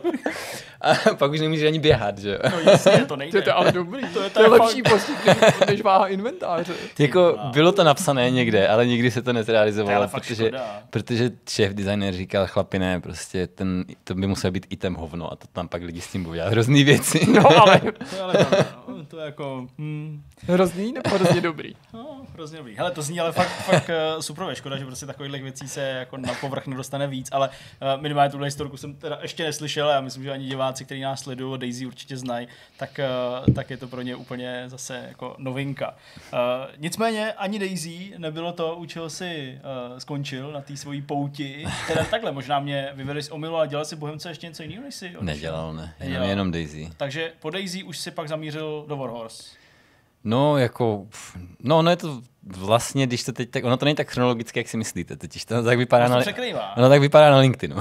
No, tak jasně, tak uh, já jsem se hlásil do Bohemky a do Warhorse ve stejnou dobu. A to Aha. bylo v tom roce 2013. aha. To bylo ještě předtím, než Warhorse vlastně měl vydavatele a než měl dost peněz na to, to vlastně dotáhnout. A já jsem dělal tenkrát i testovací zadání, všechno tohle z toho. A byl jsem všude na tom pohodě, mě přijali, Martin Klíma takovým tím jeho klasickým stylem, znáte ho, Velmi dobře. jako řekl, jaká je nabídka a já vím, že tady ten člověk prostě nebude smlouvat, on řekne tomu poslední možnou nabídku zrovna. Jasně. A jako nebylo to tak dobré jako Bohemce, řekněme. Bohemka mě v ten moment přišla stabilní, protože Martin Klima je aspoň z mé zkušenosti hodně férový člověk a řekl prostě, tady to prostě může za dva měsíce klidně skončit. Jako, takže To je fér. a já, já, jsem to samozřejmě vzal, že jo, a prostě řekněme, neměl jsem ještě tu zkušenost, abych viděl prostě tenhle projekt, kde opravdu to, co by mě mohlo vytáhnout. Naštěstí jsem k němu přiskočil potom, že jo, ale jako paradox na celém tom je, že já jsem tam byl na pohovoru už no třikrát vlastně ve Warhorse. A třikrát si uspěl. No, já jsem tam byl v tom 2013, to jsem uspěl, ale šel jsem do Bohemky a pak jsem po Bohemce jsem si asi rok cestoval různě po Ázii, takhle. By se člověk, já jsem sedm let v kuse pracoval, takže člověk potřebuje si trošku vyhodit z kopítka, ale pak jsem se vrátil a byl jsem na pohovoru a Dan jakoby ke mně přistupoval až trošku jinak a hlavně mě řekli, že no my tady potřebujeme vyřešit tu ekonomiku. aby tam byly věci v tom světě. Jasně. A já říkám, no tak to máte toho pravého, pánové. Jasně. A posadil jsem se a vyřešil jsem ekonomiku. Takhle jako ne úplně celo, samozřejmě jsme na tom spolupracovali, jo, ale všechno v té hře, co mají lidi v kapsách doma v truhlách, co je, v- co je v obchodě, prostě jak je to vystavený, co kdo prodává, jak je to odškálovaný, prostě. Mm-hmm. Tohle jsem tam všechno jako... Neříkám, že jsem nastavil všechny itemy, jo. třeba jako zbraně jsem nenastavil to řešení, kdo řešil kombat, že jo? ale já jsem se řešil, kdo je prodává Jasně. a kde jsou schovaný, jo? nebo ty, ty prokletý kostky, všechny, co tam jsou. Já vím, že to rozšířil nějakým DL, DLCčku, a taky ty blbosti, prostě jsou tam hrací kostky s vyšší pravděpodobností Ano, na nějaký jasně. čísla, to jsem tam taky dával já, pak jsem se strašně strašně zahrálo u srdíčka, když jsem na Kotaku viděl článek, prostě si toho Jak někdo, to že si toho někdo všiml, no. Jasně, no tak oni jsou i označený, že, jo, že to jsou nějaký cinklý kostky. Kolik to zabere času prostě připravit uh, značnou část té herní ekonomiky pro tak velký projekt, jakým je Kingdom Come? No, no to trvalo v podstatě jako pár měsíců. Ono se to jako formuje, protože ty potřebuješ mít ty, ty, všechny ty jednotlivé věci, kterými se může jakoby obchodovat a nejenom jako v teorii, ale i ten model a spoustu dalších technických náležitostí. Potřebuješ si nějak vyřešit, vyřešit cenu toho třeba, aby to dávalo jako smysl. Jo. Asi třeba pamatuju epickou hádku prostě o, o tom s Danem, o, Jsme pochopili. o kachně, o pečené kachně. jako. Opečený kachně, že stála moc nebo málo? No ne, ne, ne, ne, ne, on to chtěl použít jako by standard. Jakoby, Jo, aha. jakoby základní Jo, hodnotu, jako od které se odpíchneme. nějakou hodnotu, Jo. Přesně, měrná hodnota, pečená Ano, kachna ano. prostě. A Ano. to se odpíchneme na nastavování všech jiných jídel. Aha, je zajímavé. Takže tam potom přemýšlíš, no, jako no a v čem byl ten smysl té hádky? ten smysl Nebo byl v tom, že on, bod? No, jakože, já nevím, on je taky člověk, který přemýšlí hodně v real terms prostě, řekněme. A já přemýšlím víc abstraktně možná a jako mě to, co první mě napadlo, je, jako je to hra, tak jakože z toho půjde spočítat, jakože co, se, co bude potřebné a co ne, jak často a jak to nějak nastavit cenově. Takže třeba velice záhy jsem došel k závěru, že sušené maso musí být jako poměrně drahé, protože je lehké a strašně výživné. Aha, jasně. A takové prostě věci jsme tam jako řešili poměrně často. I, i, i ty třeba points of interest a tak jsem řešil s grafikama, aby to bylo nějak někde pěkně a tak. Ne, že bych je řídil, ale jenom jsem s nimi zpracoval na tom. Přesto uh, ta ekonomika, to doufám, že to nevezmeš ode mě jako nějaký jako monster rejpání, jo, ale většinou vedla k tomu, aspoň uh, podle zkušeností lidí, kteří to hráli kolem mě, že pak po nějaký době měli nepřeberný množství peněz mm-hmm. a neměli moc za co utratit. Možná i proto vycházelo pak to DLCčko, že jo, se stavbou té vesnice, aspoň tak nám to třeba popisoval Toby, že mm-hmm. je to do nějaký míry i jako prostředek, aby ty lidi utratili ty peníze za tu stavbu. Tak uh, jak jsi tohle vnímal, když pak se to teda prokázalo uh, mimo to vaše. No. testování? No, protože tak, tam jsou, tam zase, tam byly jakoby dvě osy, které to muselo tak nějak jako kopírovat a jedna z nich je ta herní, že jo? Jasně. A druhá je nějakým způsobem ta realita té doby, jako samozřejmě třeba peníze, které měli, tak to nebyly jenom, že měli groše, oni měli spoustu jiných druhů mincí, které měly různé hodnoty a počítali to na kopy a na různé takové staré, prostě tak my jsme to všechno sjednotili, ale pořád v tom hodnotovém systému, aby to dávalo smysl, aby ten kůň byl fakt drahý, prostě, aby to nejzákladnější jídlo bylo fakt to jediné, co si lidi můžou dovolit, mm. tak jsme tak nějak furt jakoby mezi tím kličkovali, mm. aby to sedělo jakoby do, do sebe nějakým způsobem. Jo? A občas tam bohužel některé věci jako nevyřešíš. Já bych řekl, že to je spíš jak v životě, prostě když prokoukneš ten systém, tak pak už jenom peníze přibývají. Jak dlouho jsi byl teda ve Warhorse? Ty si dotáhl ten projekt až do finále, nebo byl jsi součástí toho týmu, který to finalizoval? Já jsem tam to dotáhl do peče nějakého 1.4.5, myslím. Prostě jinými slovy, jako když jsme točili to, to video, jak to Martin Já jsem tam kolem vás prošel, no. No, já jsem myslel, pro, pro nás to až tak důležitý není, Ne, jako to spíš ne, pro to, já, diváky. no, to já jenom jako říkám, abych tě uvedl, že jsem pak uvědomil, že uh, třeba Martin uh, hrál na bicí v rámci tý, uh, Kapely. toho vystoupení. Já vím, Eh, v tom týckém chrámu, nebo ne, to není Ne, to bylo- to je ten odsvěcený kostel. No, přesně tak, takže... No ale jasně, takže jenom to teda, promiň, já jsem mi do toho skočil, ale uh, do peče číslo, nebo já nevím Já, vlastně. to byl nějaký peč rok. 1.4.2, Jasně. 1.4.5, Tak něco on to šlo v únoru, že jo, 2018, tak Já jsem tam končil na konci dubna, myslím. jo, takže Hmm. několik měsíců po tom vydání, jasně. No a tvoje kroky teda směřovaly už jako rovnou do Techlandu, nebo jak Hmm. se to rodilo, to, že si eh, zakotvil v tomhle polském studiu? To je zase taky taková spíš souhra náhod. Já myslím, že všechno tak jako v našich životech je trochu souhrá. Ne, já jsem zase prostě ten, řekněme, že ten crunch na tom Kingdom Come byl poměrně náročný. Neříkám, že jsou nějaké crunche, které nejsou náročné, ale všechny jsou. Všechno jsou přes časy, jasně. Ale nějak, nějak jsem objevil tu krásu toho, že pod větším dalším projektu, když si odpočinu, tak já většinou dělám to, že odjedu prostě Mm. na nějakou dobu a tak jsem se zase sebral, odjel jsem. Do, A, do Vratislavy někam, ne? ne, ne, já jsem odjel ještě na východ, ne na sever. Hezky, hezky. A prostě jsem v podstatě skoro dva roky v kuse cestoval a tak nějak jsem jako koukal, co jsou za možnosti. Zkoušel jsem samozřejmě, že jo, protože když člověk, i když je člověk dva roky někam jezdí na motorce, někde se povaluje na pláži nebo se baví random s lidma, tak pak máš, chceš něco jako udělat produktivního zase, že jo? tak zkoušíš, dělal jsem nějaké vstupní testy do různých těch firm, co jsou v těch zemích, kde jsem cestoval a tak. Jako ne vždycky tam dělají to, co bych chtěl, takže já jsem spíš si říkal, tak a teď už se blíží konec té cesty, tak se opravdu pořádně seriózně podívám. A zase aniž bych to já vyhledával, úplně aniž bych jako naš, přišel já na LinkedIn, Facebook, teda na LinkedIn Techlandu nebo jejich web a podíval se, tak mě napsal nějaký headhunter na LinkedInu a že je tahle pozice a že já vypadám, že bych mohl, já říkám, jo, že bych asi mohl a to a zjistil jsem, že zároveň tam už dělal producenta nebo šéf producenta Eugene Harton, kterého znám taky z Bohemky z Daisy. Jasně. A tak jsem se ho zeptal, jestli je to v pohodě. jako já je- jejich hry mám rád, jakože já jsem hrál těch předešlé hry, takže pro mě to je to hlavní, aby ten projekt dával smysl pro mě, aby to nebyl nějaký hrozivý monetizovaný něco. a tak jsem se ho zeptal, on mě doporučil a já jsem tam v podstatě nastoupil potom po návratu, já jsem se vrátil v prosinci v loni a nastoupil jsem tam na začátku února. Hmm. Dál na pozici herního designera, game designera, uh, dokonce myslím i, jsi, počkej, lead nebo level? Ne, já jsem, já jsem akorát, já jsem pouhý senior quest designer. Jo, tak pouhý, to je v. To už Ale senior, je jako, takže- To už je jako uh, vysoká pozice. Tak uh, samozřejmě asi jako nutný říct, že teda pracuješ na Dying Light, Mhm. mm-hmm. předpokládám, dvojice. My s tebou nebudeme tahat vůbec žádný detaily, to určitě ne. Já jsem se, uh, když jsem se ptal na nějaké věci Eugena, tak uh, to bylo na docela dlouho přes PR oddělení a tak dále. Že to samozřejmě, Mhm. uh, Ale tím se nám podařilo ověřit, že ta hra existuje. Ale že to bylo v té době, kdy se řešilo, jestli náhodou vůbec- ta hra vůbec existuje. Přesně, protože se ukázala na E3, že jo, pak se to byl nadšený, pak jako se dlouho mlčelo. A pak se nesli, že jo, někde ty klepy, to si určitě viděl, že jo, takový to, že vlastně ta hra jako vůbec není nevzniká. a tak dále. Ale přesto mě by spíš zajímalo, a myslím, že i naše diváky, teda uh, ty jsi teďka zasekli na home officeu kvůli těm No, opatřením, už který půl ty roku. Prostě, no, už půl roku, de facto vlastně skoro nějakým nástupu, že jo, minimálně. Uh, co je tvým uh, denním chleba? Co je tvojí náplní? Co děláš přesně? Samozřejmě nemusíš být konkrétní, No. ale v obecné rovině. No, v podstatě skriptuju ty questy. Takže ty, který už třeba No, jako, takhle, já, napsal- ježi, teďka já můžu říct nějaké věci, nějaké věci říct nemůžu, že jo, prostě tak říkej, co v můžeš. teoretické v obecné, rodině, v, rov, v obecné rovině, jako spoustu důležitých věcí je napsaných v nějaké verzi, že jo, Mhm. ta se v nějaké verzi do té hry naskládá, která jako nemusí být ani pěkná, ale jenom nějak funkční a na tom, na tom zjišťuješ prostě, jak, jak jsou velké ty vzdálenosti, co musíš překračovat, ty akce, co tam děláš, kolik tam těch dialogů, spoustu těchto jako věcí, které jsou potřebné, aby ta hra byla zábavná, abys to odladil.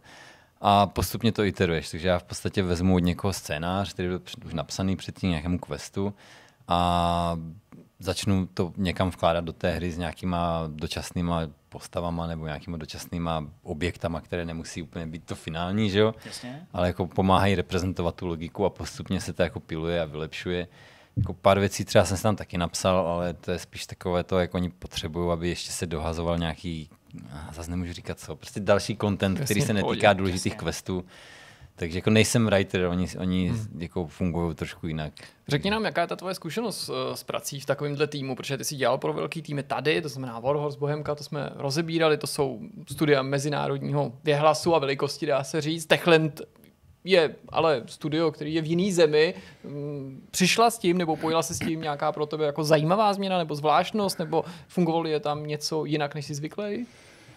No každá firma funguje trošku jinak. Jako, a dokonce v rámci těch firm často každé oddělení funguje jinak. Mm-hmm.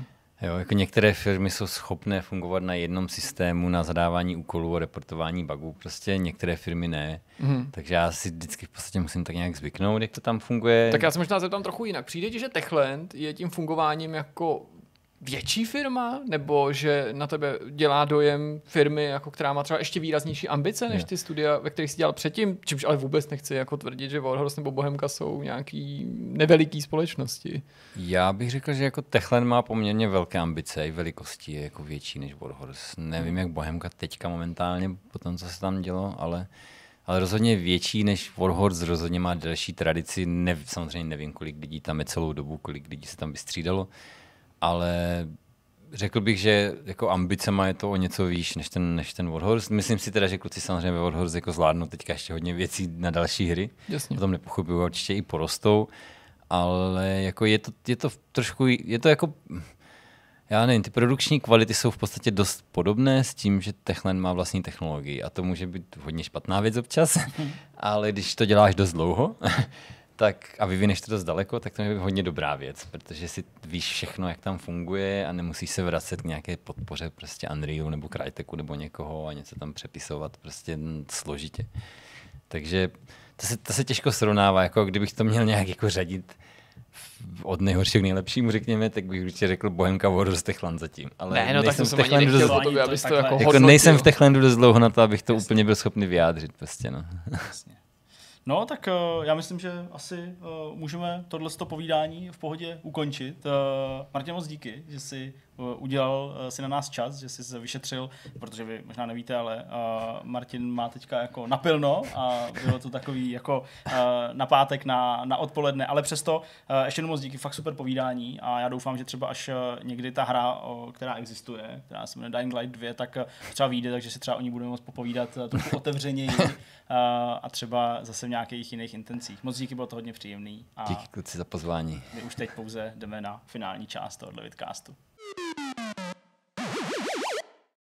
Rozhovor máme za sebou, teď už zbývá to poslední, to znamená závěrečný myšmaš. Tak eh, pánové, co vás zaujalo? Já můžu. týdnu? Já jsem hrál tři hry dokonce. Wow. Zkoušel jsem. Uh, byl jsem doma, tak jsem si tam pustil Gran Turismo Sport, který jsem chtěl ukázat své hře, ta má ráda závodní hry.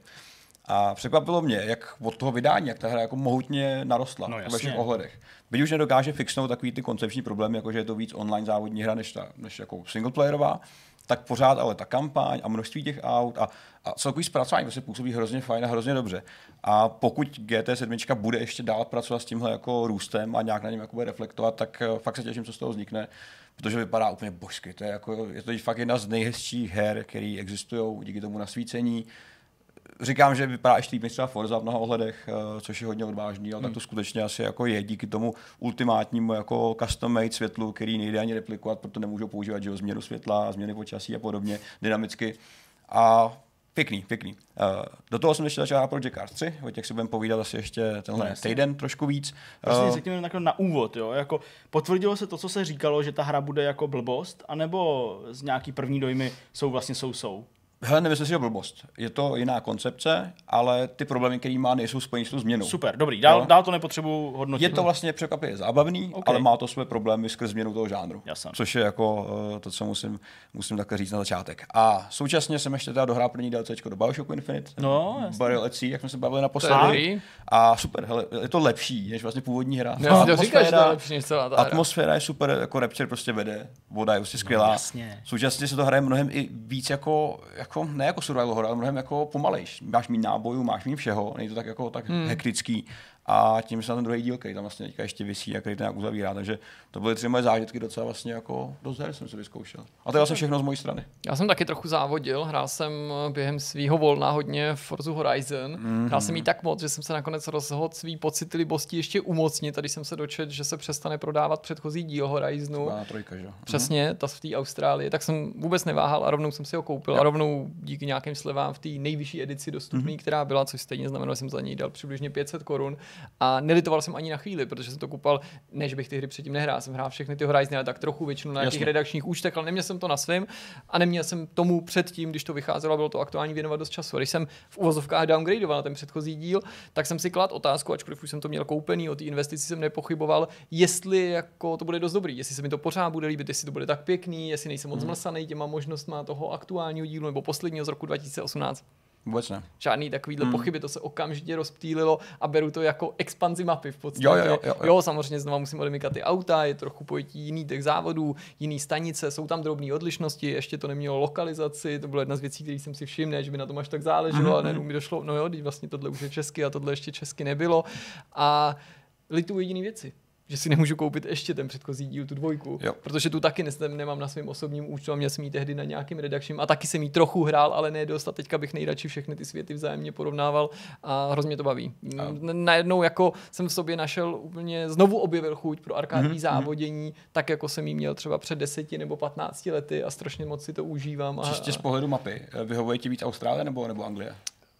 Mě třeba bavila ta Austrálie mnohem víc, musím říct, jakože, že vizuálně a tak jako taková jiná, exotičtější. je rozhodně pestřejší. Ano. Tu pestrost do, tý, no a do toho aktuálního dílu přinesli ve větší míře až Ty ty DLCčka, nejen teda jako to Lego, ale samozřejmě třeba ten Thunder Island, Mhm, mm-hmm. jestli to říkám správně. Tam eh, ta základní mapa už té Austrálie je pestřejší, protože to poušť, pobřeží. Jo. Ho, ta mapa mimochodem mi strašně připomíná ty mm, Hot Pursuit od um, Criterionu. ano. Strašně moc, Tam vlevo nahoře ta poušť, ale i tím rozvržením. Jo. Po, pobřeží tady, jo, po pravé straně mm-hmm. dolů, trošku ubíhá, tam se to nahoře mění v poušť a je tam nějaká přistávací dráha. Přesně takhle si vybavuji, když možná trochu zkleseně Hot Pursuit. Takže to bylo super a sledoval jsem dva seriály. Jedna Lovecraft Country, což je na HBO seriálová adaptace, nová podle nějaký knihy, kterou jsem předtím nečet, v podstatě jsem ani nevěděl, že existuje. Lovecraftem, respektive mítem Cthulhu, je to jenom lehce inspirovaný, mm. vypadá to, že to budou nebo je to příběh skupinky uh, afroameričanů, kteří se vydávají někdy v 60. možná dokonce 50. letech, tyjo, to jsem se teďka odkopal, možná dokonce 50. Mm. letech eh, napříč uh, Spojenýma státy a prostě naráží na různý monstra. Um, trochu nás tlačí čas, takže nechci zabředávat do podrobností, ale docela mě to zaujalo, i když to není tak dobrý, jak jsem doufal. A zkoušel jsem nejnovější Star Trek seriál, prostě jen tak se zase objevil, protože teď bude strašně moc. Lower Decks, Lower Decks, což je uh, animovaný komediální mm-hmm. seriál, parodie, ale oficiální, uh, vycházející teda z premisy, pojďme se seznámit se členy posádky, kteří nejsou těma vyššími důstojníky, těmi hrdiny z můzku, těmi, kteří vyráží na ty první kontakty a na ty výsadky a udělal to na mě ten výsledek stejný dojem po prvních dvou epizodách jako upoutávka, kterou jsem měl možnost mm-hmm. sledovat asi před měsícem. Prostě premisa se mi líbí, je skvělá. Epizody jako Lower Decks, stejnojmená epizoda z nové generace, eh, se stejným, stejnou premisou, tudíž sledujeme nějaký vedlejší postavy. A epizoda Good Shepherd z Voyageru podle mě skvěle dokazuje, že tohle je dobrý koncept, který by mohl fungovat, ale podle mě to nefunguje moc v tomto podání a nevadí mi přitom, že to je jako nadsázka, nebo že to je komedie, mm, nebo hmm. parodie, že se to dělá jako legraci ze Star Treku. To není ten důvod, to klidně na to mohli i přitlačit na pilu a možná by to víc fungovalo, kdyby se to odehrávalo v prostředí nějakých z těch známých seriálů mm. nebo sérií, že tady, když je to i nová posádka, tak to by je v podstatě ukradený, že tyhle jsou jako nižší důstojníci a ty, tam to jsou vyšší důstojníci, protože ty vyšší důstojníky stejně neznáš, neznáš tu loď, neznáš tu posádku, takže tam právě chybí ten humor, který vznikal v té epizodě Lower Decks, té nové generace, který byl postavený na tom, že si sledoval ty svý důvěrně známé postavy Picard, Riker, Troy z perspektivy těch lidí, kteří k ním zlíželi a říkali si, hele, tenhle, on mě asi nemá rád, to tam tata je blbá, že jo, prostě, a ty ten kapitán, jo, jaký, jo, ale ty jsi ty postavy znal, takže proto to proto by bylo zajímavé. A tady, když se banda nižších důstojníků baví o mm, komandérovi a kapitánovi, ale pro tebe jsou stejně cizí jako ty nižší důstojníci, tak na to hmm. koukáš, říkáš si, hm, a jinak to není teda vůbec vtipný, no, což mi přijde u komediálního seriálu jako závažná chyba. Takže, takže mě se to nelíbilo, no. Nebo, nebo jako není to, není to propadák, ale mě to mm-hmm. nebavilo, je to při nejlepším průměrný a vyšly nějaký další epizody, koukat na ně nebudu, protože už mi není 20, nemám prostě čas ztrácet čas něčím, co mě nebaví, i když je to Star Trek. Možná, když by mě někdo přesvědčil, že to je mega boží, tak to za čas zase zkusím. Okay. No, uh, já jsem ten týden, že kdy tady Jirka nebyl, tak jsem samozřejmě věnoval práci a byl jsem takový dost unavený, ještě tady nějaký jako žaludeční věci a tak, takže jsem chodil do spát, čili jsem vlastně nic jako nedělal. Ten tady naopak zase byl dost takový hektický pro nás, pro oba, řekl bych, spoustu nějakých uh, akcí, spoustu prostě nějakých věcí na poslední chvíli hmm. a tak dál. Takže jako toho prostoru nebylo příliš, když jsem volno měl, tak jsem ještě lítal simulátor, to asi budu dělat teď poslední dobou, teda poslední dobou, spíš výhledově to budu dělat asi ještě docela dlouho, ale jinak nic jako speciálního bohužel jsem nezažil a nemám tudíž čím úplně přispět. Na druhou stranu Jirka sice naznačil, že nás tlačí čas, tak já jenom vysvětlím, že je čtvrtek, večer a za pět minut jsme řekli, že budeme streamovat uh, Gamescom, respektive Opening Night Live, tak uh, my... To jsme zvědaví, se to stalo. My si jdeme aspoň na záchod třeba provodu, jako, mm. no, nebo něco takového. a jdeme na to, ale tak jako hele, prostě Gamescom není uh, každý týden, takže uh, si to vyžaduje. To je fakt. Speciální chování. Přečerpání přesně pozornosti. Tak jo, tak jo. to hezky, uh, užijte si pěkný nový týden, uh, vlastně první týden školní uh, pro spoustu z vás. No jo, tak gratulujeme a uvidíme se zase uh, nějakého videa. Mějte se moc hezky. Ahoj. Ahoj.